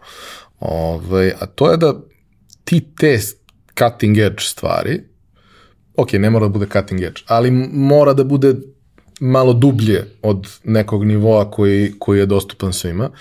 Ti to samo možeš da dobiješ od vrlo malog broja ljudi koji pod jedan to znaju, pod dva umeju to da prenesu ili dobiju neku metodologiju na način mm -hmm. na koji bi to trebalo da rade. Zato što vrlo, vrlo često sjajni ljudi ne, ne mogu da, da nauče znanje, tako je. druge, jer ne. mislim, i, i sami smo prošli sigurno u nekom trenutku kroz taj moment da ne možeš da objasniš drugoj osobi koja mozak radi potpuno drugačije zašto si ti tako smislio nešto.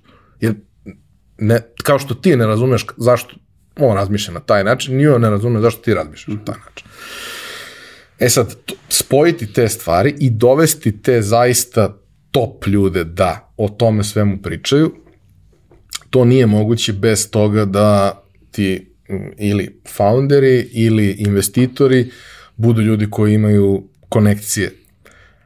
a opet te konekcije samo služe da otvore vrata i ako ti tim ljudima koji treba da posvete svoje vreme, jer mi ovde pričamo o tome ne da nešto snime i to je to, stoji i super, nego zaista da se bave time. Da, veoma je aktivan proces, da. To je dosta cimanja. Jeste. Za ljude koji su ozbiljni. Ljudi koji su ozbiljni imaju previše obaveza i ovako. Moraju da budu vrlo jako motivisani da dođu dotle. E sad, volio bih malo da pričamo o tome kako ti uspeš da regrutuješ, mislim, kako firma uspe da regrutuje sjajne ljude da, u, da uđu u tako nešto u ranoj fazi. Tako je. A, apsolutno regrutujemo, dobro si rekao. Uh, jedan od prvih hajera kod nas je bio čovjek koji se zove Steve uh, i on je služi samo za to, uh, pronalazi eksperte koji su pod broj jedan voljni i imaju vremena da, da se bave time, žele da se bave time. Uh, interesantno im je, ok, tu je finansijski model svakako, znači mi delimo profit sa svim tim instruktorima. Ti ne možeš da dobiješ ono, ajde da kažemo, VP of engineering, neće da ti dođe, ali će doći možda lead ili samo jedan nivo ispod, što je nekad i bolje, jer VP se, ono, ne, ne prlja ruke. Nekad Bavi toliko. se politikom. Tako je, a ovaj ispod je onaj koji ti zapravo treba, znaš, on ti će ti kaže kako dobit ćeš hard skill znaš, od njega. I nama je ceo taj recruiting ili ovaj, outreach moment jako, jako, jako bitan i to čini celu stvar dosta komplikovanom jer imamo kao, imamo studente, imamo instruktore, imamo investitore i to su sve te sprege opet da se vratim šta radi product designer. Product designer je neki komunikacija između svih tih sprega, sve treba da ih pomiri. Uh, odlično si primetio da nisu svi ljudi koji su jel, uspešni u svom poslu ne znaju da prenesu znanje tek tako, pa smo mi pravili razne neke metodologije kako bismo mi njima pomogli zapravo da naprave taj kurs. I tu se isto malo razlikujemo od nekih drugih sličnih kompanija koje su, e, evo ti ovaj, naša platforma, ti tu napravi neki kurs, prodaj ga i tako dalje. Ne, mi radimo zajedno sa instruktorima da napravimo taj kurs što bolje jer znamo šta prolazi, šta ne prolazi, imamo iskustva, videli smo na šta korisnici reaguju, kako se najbrže uči, da sad ne ulazimo u metodologiju ovaj, aktivnog i brzo brzog učenja i svega toga. I uh, ljudi prosto to uh, kada kada predstavimo to sve tako kada kada vide kakav je community iza toga bitan je brand iza toga neće svako da dođe da priča i da stavi svoje ime na na bilo šta.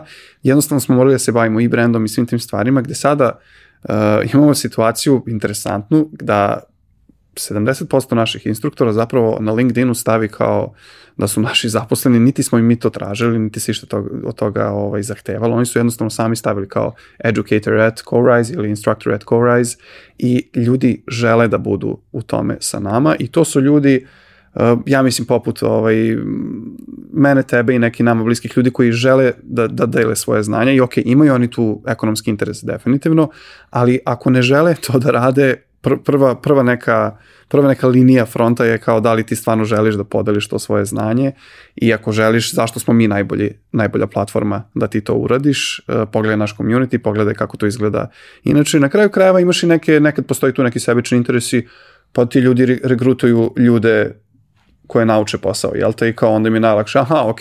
Ovi su bili, opet u interesu svih. Svih, apsolutno. Niko ne gubi na tome. Znači, ok, ovi studenti su mi bili tu, znam tačno kako rade, ovi su super, aj ti kod nas ili na praksu ili odmah da radiš ako si na tom nivou i tako da uh, teško je i izazovno je, ali je definitivno nešto o čemu ono, mnogo, mnogo, mnogo pažnje uh, pridajemo. Trenutni projekat veliki na kojem ja radim, odnosno feature je kako da instruktorima bude što lakše da ovaj, naprave zapravo taj kurs kod nas i radimo tu neke super zanimljive napredne stvari koristeći AI, koristeći sve i svašta i to su jednostavno stvari koje mi moramo, mi ne, ne možemo samo, naši korisnici jesu ljudi koji žele da nauče, ali su takođe i instruktori, to su isto na neki način naši korisnici, mi pravimo interfejs i za njih i proizvod za njih i onda je to sve ovaj, dodatno zanimljivo sa, sa tim spregama. Da, mislim da je tu ono, posebno značajna stvar kad, kad ulaziš u, u neku takvu priču, ko je tu pre tebe? Jer ti kad vidiš imena koja su tu pre tebe, kad vidiš pozicije tih ljudi koji su instruktori već, tu ti želiš da budeš u tom društvu. Moram Ako samo, možeš, želiš da budeš Moram samo društvu. još jednu stvar koju si dobro primetio. Prvi instruktori, apsolutno je tako, prvi instruktori koji su bili uh, prijatelji, kolege, e, ajde, molim te mi učiniš uslugu da dođeš ovde da predaješ ovaj kurs, nosi sve pare, šta god, nije ni bitno, platit ćemo ti još preko koliko treba, samo da bismo dobili taj moment stamp of approval i taj neki social proof, I, i tu dolazi ovaj, ta neka konekcije i, i svi ti momenti koji ti daju investitori i naši co-founderi i tako dalje, gde ipak bitno koga znaš i, i kakve su ti te socijalni krugovi kojima se krećeš tamo i da ti možeš nekoga da zoveš da stavi svoje ime iza nečega što ti radiš, jer on zna tebe i zna da će to biti kvalitetno i ono, nemaš, mislim, jasno ti je kako to funkcioniš u startu. E, onda sve dalje se, kad to produktizujemo, to je sve mnogo lakše, ali taj prvi, kao i sve u životu, e, prijatelji, braće, kumovi, ajmo, znaš. Mnogo mi je drago što si sada u, u, u ovoj karijernoj fazi.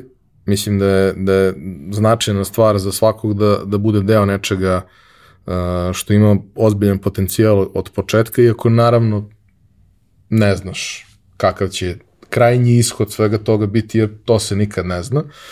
Ja ne vidim scenariju iskreno u kome to propada, ali ne vidim isto tako ni šta je nekakav plato toga svega, jer zapravo publika nije prevelika ako pričamo o tim kompleksnim stvarima.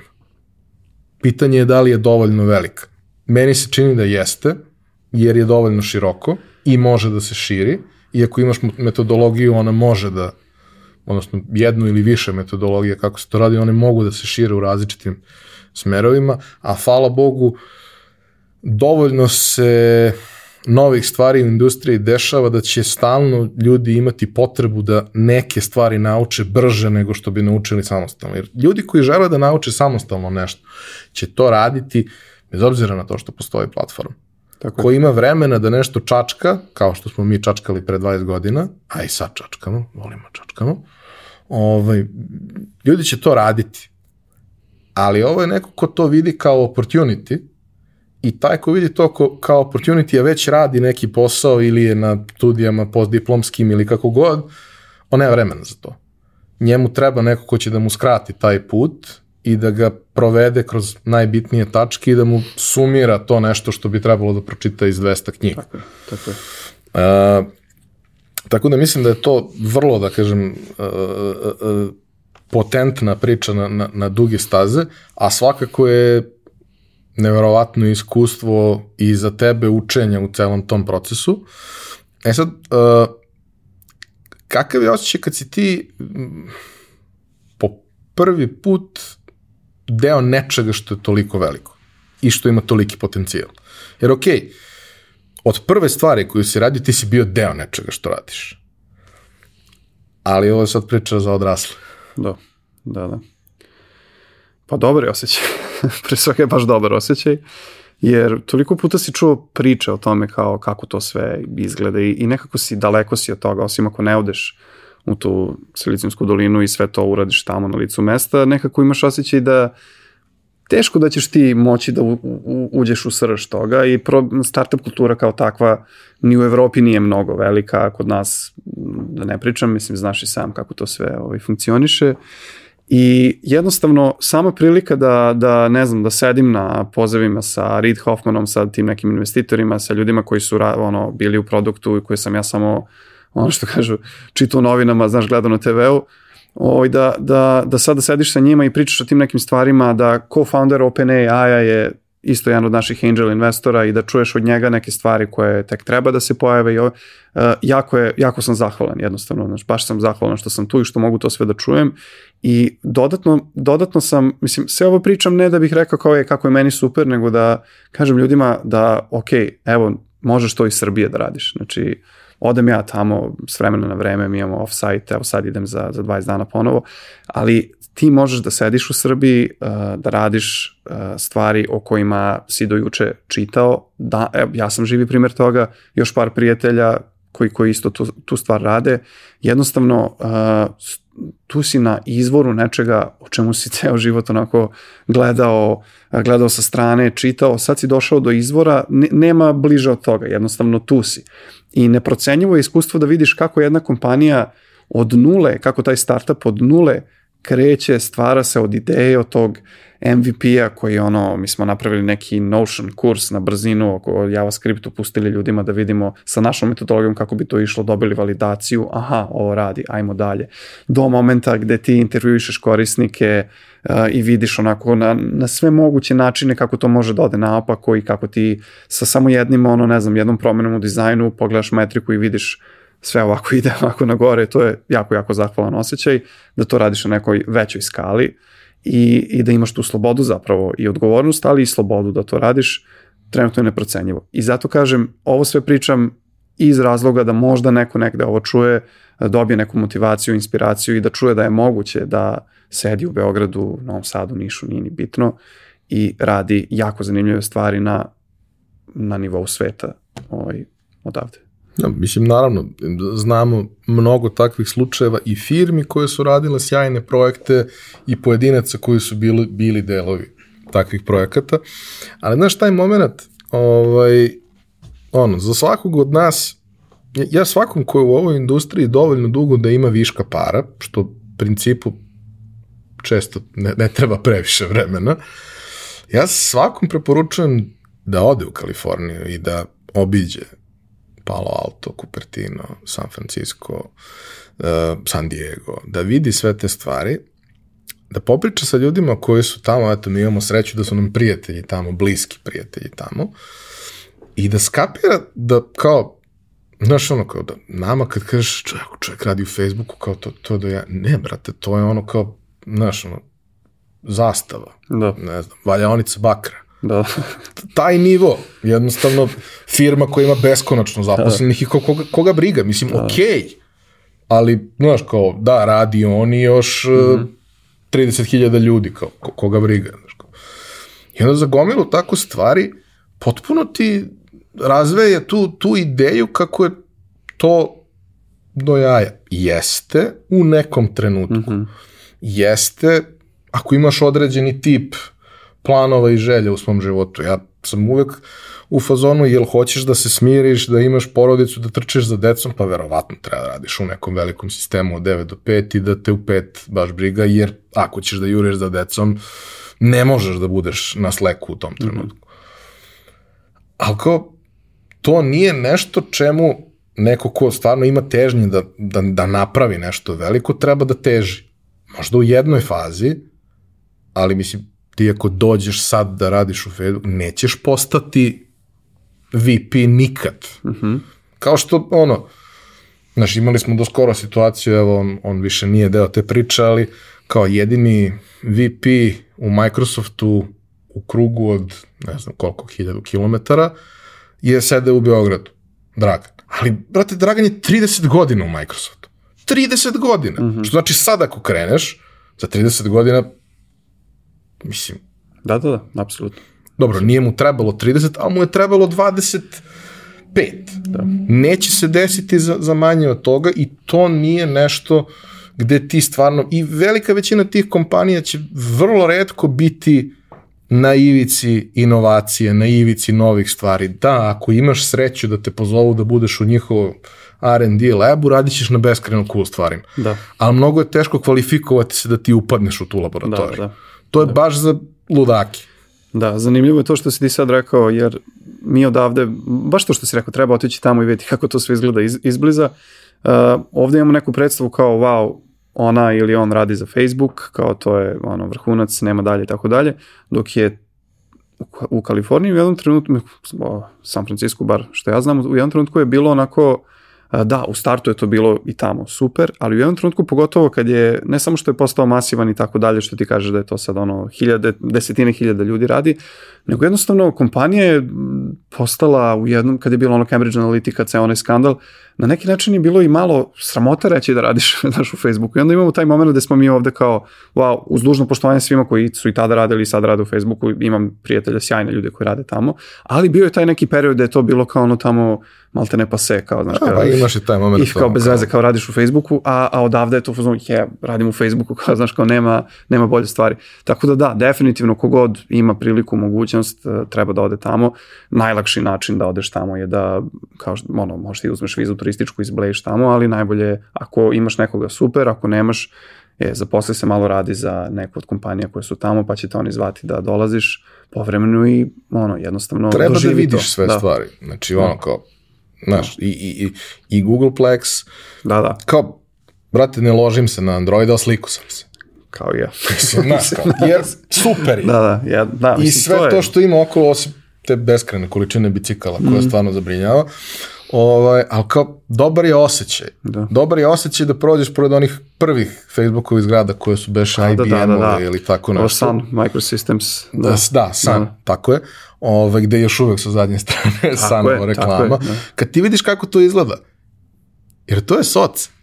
To uopšte nije cool. Uopšte nije, Znaš, da, kao, da. meni je najjači moment bio kad smo se to vozili, uh, jedan od posljednjih dana kad smo, kad smo bili tamo ovaj, pre pet godina, ovaj, baš smo se sa Dakijem vozili ovaj, i otišli smo to da obiđemo novu Apple zgradu, Mhm. onu radnju koja je otvorena pored zgrade i sve ostalo. I u jednom trenutku prolazimo pored nečega, što izgleda, brate, mislim, ono, da. kao Ja, neki, upravna ono, zgrada military Vranje, nešto, znači da, da, ništa, znači da. ono kao, šta je ovo?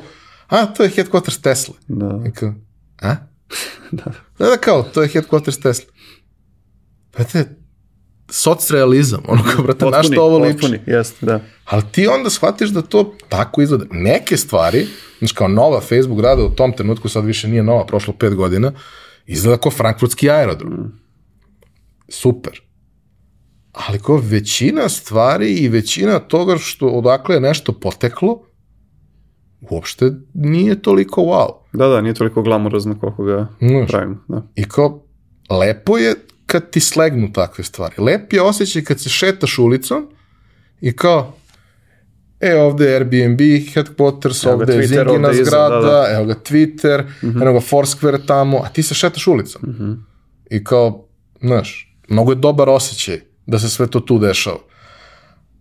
Ali dobar osjećaj je da shvatiš kad ono sedneš na piće sa tom bar našom ekipom koja je tamo jer oni imaju te neke ono svoje koktele kada ono jednom nedeljno petkom ili kako već ovaj, kad sedneš i shvatiš da ti ljudi nisu vanzemaljci, oni nemaju četiri glave, osam ruku i sve ostalo, neki su na nekim višim pozicijama, neki su na nekim nižim, ima ih na najrazličitijim pozicijama, kao, oni su se zatekli u pravom trenutku na pravom mestu, dobili priliku, iskoristili je, which is a big deal, Da, of da, course, da, da. ali kao, oni su ljudi, brate, kao i ti, samo što su oni bili tamo u tom trenutku kad je trebalo da budu tamo, najčešće jer su možda i studirali tamo što, što, Da, da, što to je- dosta da, to je odličan put, otvara da, tako i je, sve, da. ali nisu vanzemaljci. I tek kad skapiraš da nisu vanzemaljci, mislim da negde osvestiš da možeš i ti. Da. Da li ćeš ili nećeš, to je druga stvar, ali, znaš, Da, i mislim da nisu to samo naši ljudi koji su tamo, nego im, ima jedan moment koji je, koji je meni bio interesantan onako zadnjih ono, 4, 5, 6 godina u celom tom ono, startup svetu je um, š, baš to što sam više ljudi upoznao, ne pričam sad o našima, nego kao ljudima koji ne, žive ja i ne rade. mislim, kad kažem ovo, ne mislim Da, samo na naše, e. nego ljude koji radi tamo. I vidiš da oni niš, bukvalno nisu ništa pametniji, bolji, interesantniji od ljudi sa kojima sam imao prilike da radim ovde. I isto bih voleo to da onako podvučem, znaš, svako ko ovo gleda, da, da ne misli da kao, ma šta ću ja tamo, znaš, kao to su. Ne, nisu, nisu. I ti si dobra ili dobar. Jednostavno, ni- nije to ta razlika koju mi pravimo.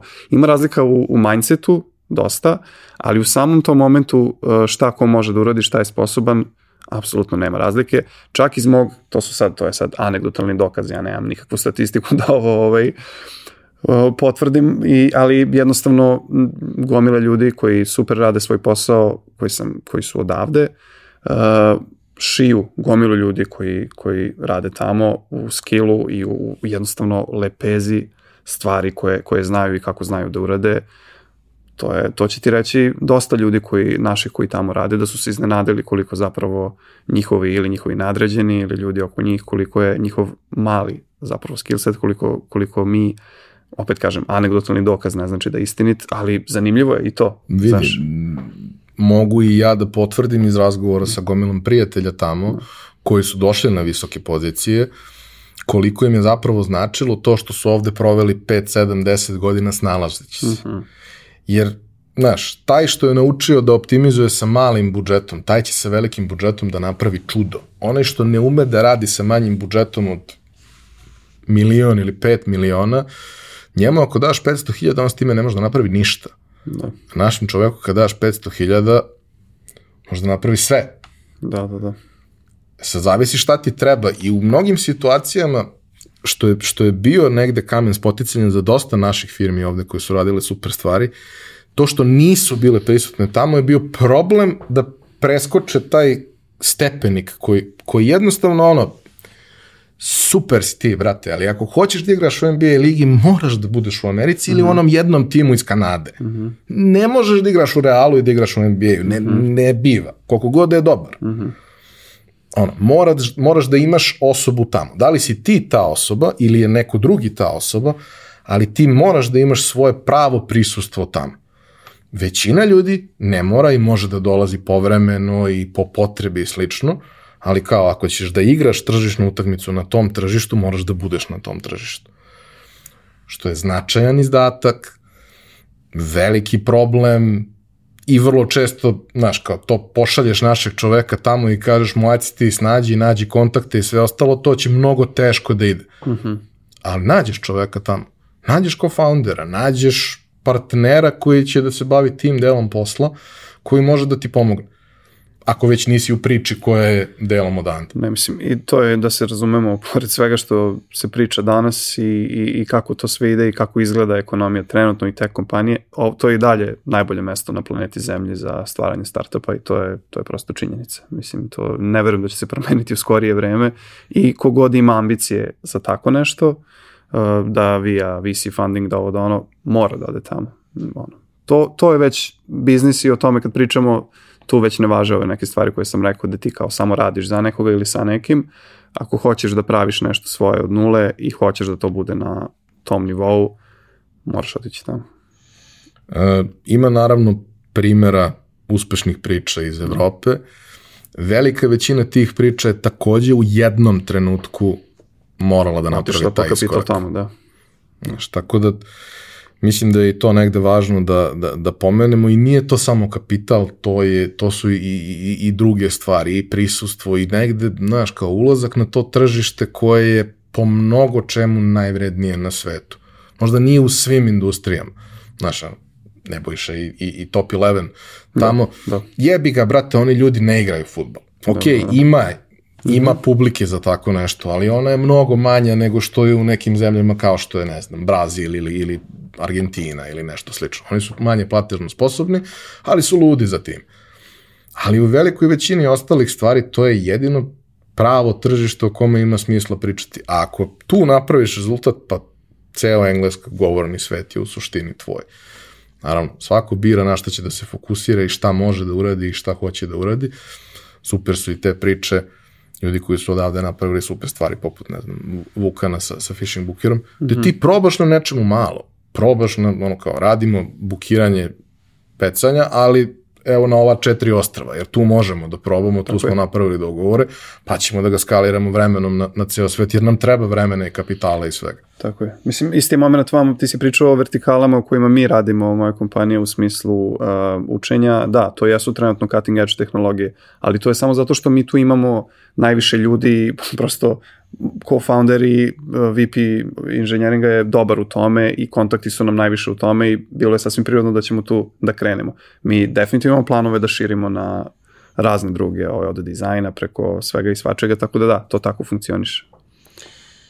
Stefane, e, mnogo je lepo bilo uh, prisetiti se nekih stvari za ovih 20 godina I mnogo mi je drago što si jedan od redkih ljudi za koje mogu da kažem da, da ono, duboko osjećam da su na mestu na kom treba da budu, u trenutku u kom treba da budu na tom mestu, jer kao ti imaš 35. Sad i narednih 10 godina možeš da daš najviše. I sad treba da budeš na mestu gde to stvarno može da napravi ozbiljan impakt, a mislim da sa ovim što, što radite sa Corizom to može da bude tako. Uh, Mnogo mi je drago što si, što si tu priču podelio na ovaj, konferenciji, zato što je na dosta ljudi ostavila vrlo jak utisak. Ovaj, jer si pričao o stvarima koje su vrlo konkretne. Znaš, mi smo i ovde sad pričali uglavnom o stvarima koje su vrlo konkretne, vrlo životne, vrlo racionalne, a vrlo često se u toj industriji sve priča u nekakvim rukavicama i izostavljaju se ti detalji koji su, koji su negde ključni.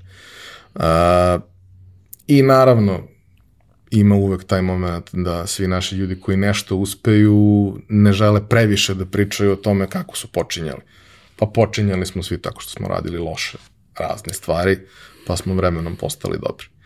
Ovaj, hvala ti što si bio, uh, hvala ti što si podelio priču, duboko verujem u nju i u tebe u celoj toj priči i, i nadam se da uh, ćeš dugo ostati u tome, da će ti dugo biti zabavno da radiš na tom proizvodu, kroz različite uloge možda vremenom, ali mislim da je to baš ono što ti je trebalo. Hvala vama što, što ste nas slušali, nadam se da vam je bilo interesantno. Uh, za sva pitanja, sugestije, komentare imate ovaj, jeli, polje za komentare na YouTube-u. To bi bilo to. Mi se ponovo vidimo naredne nedelje.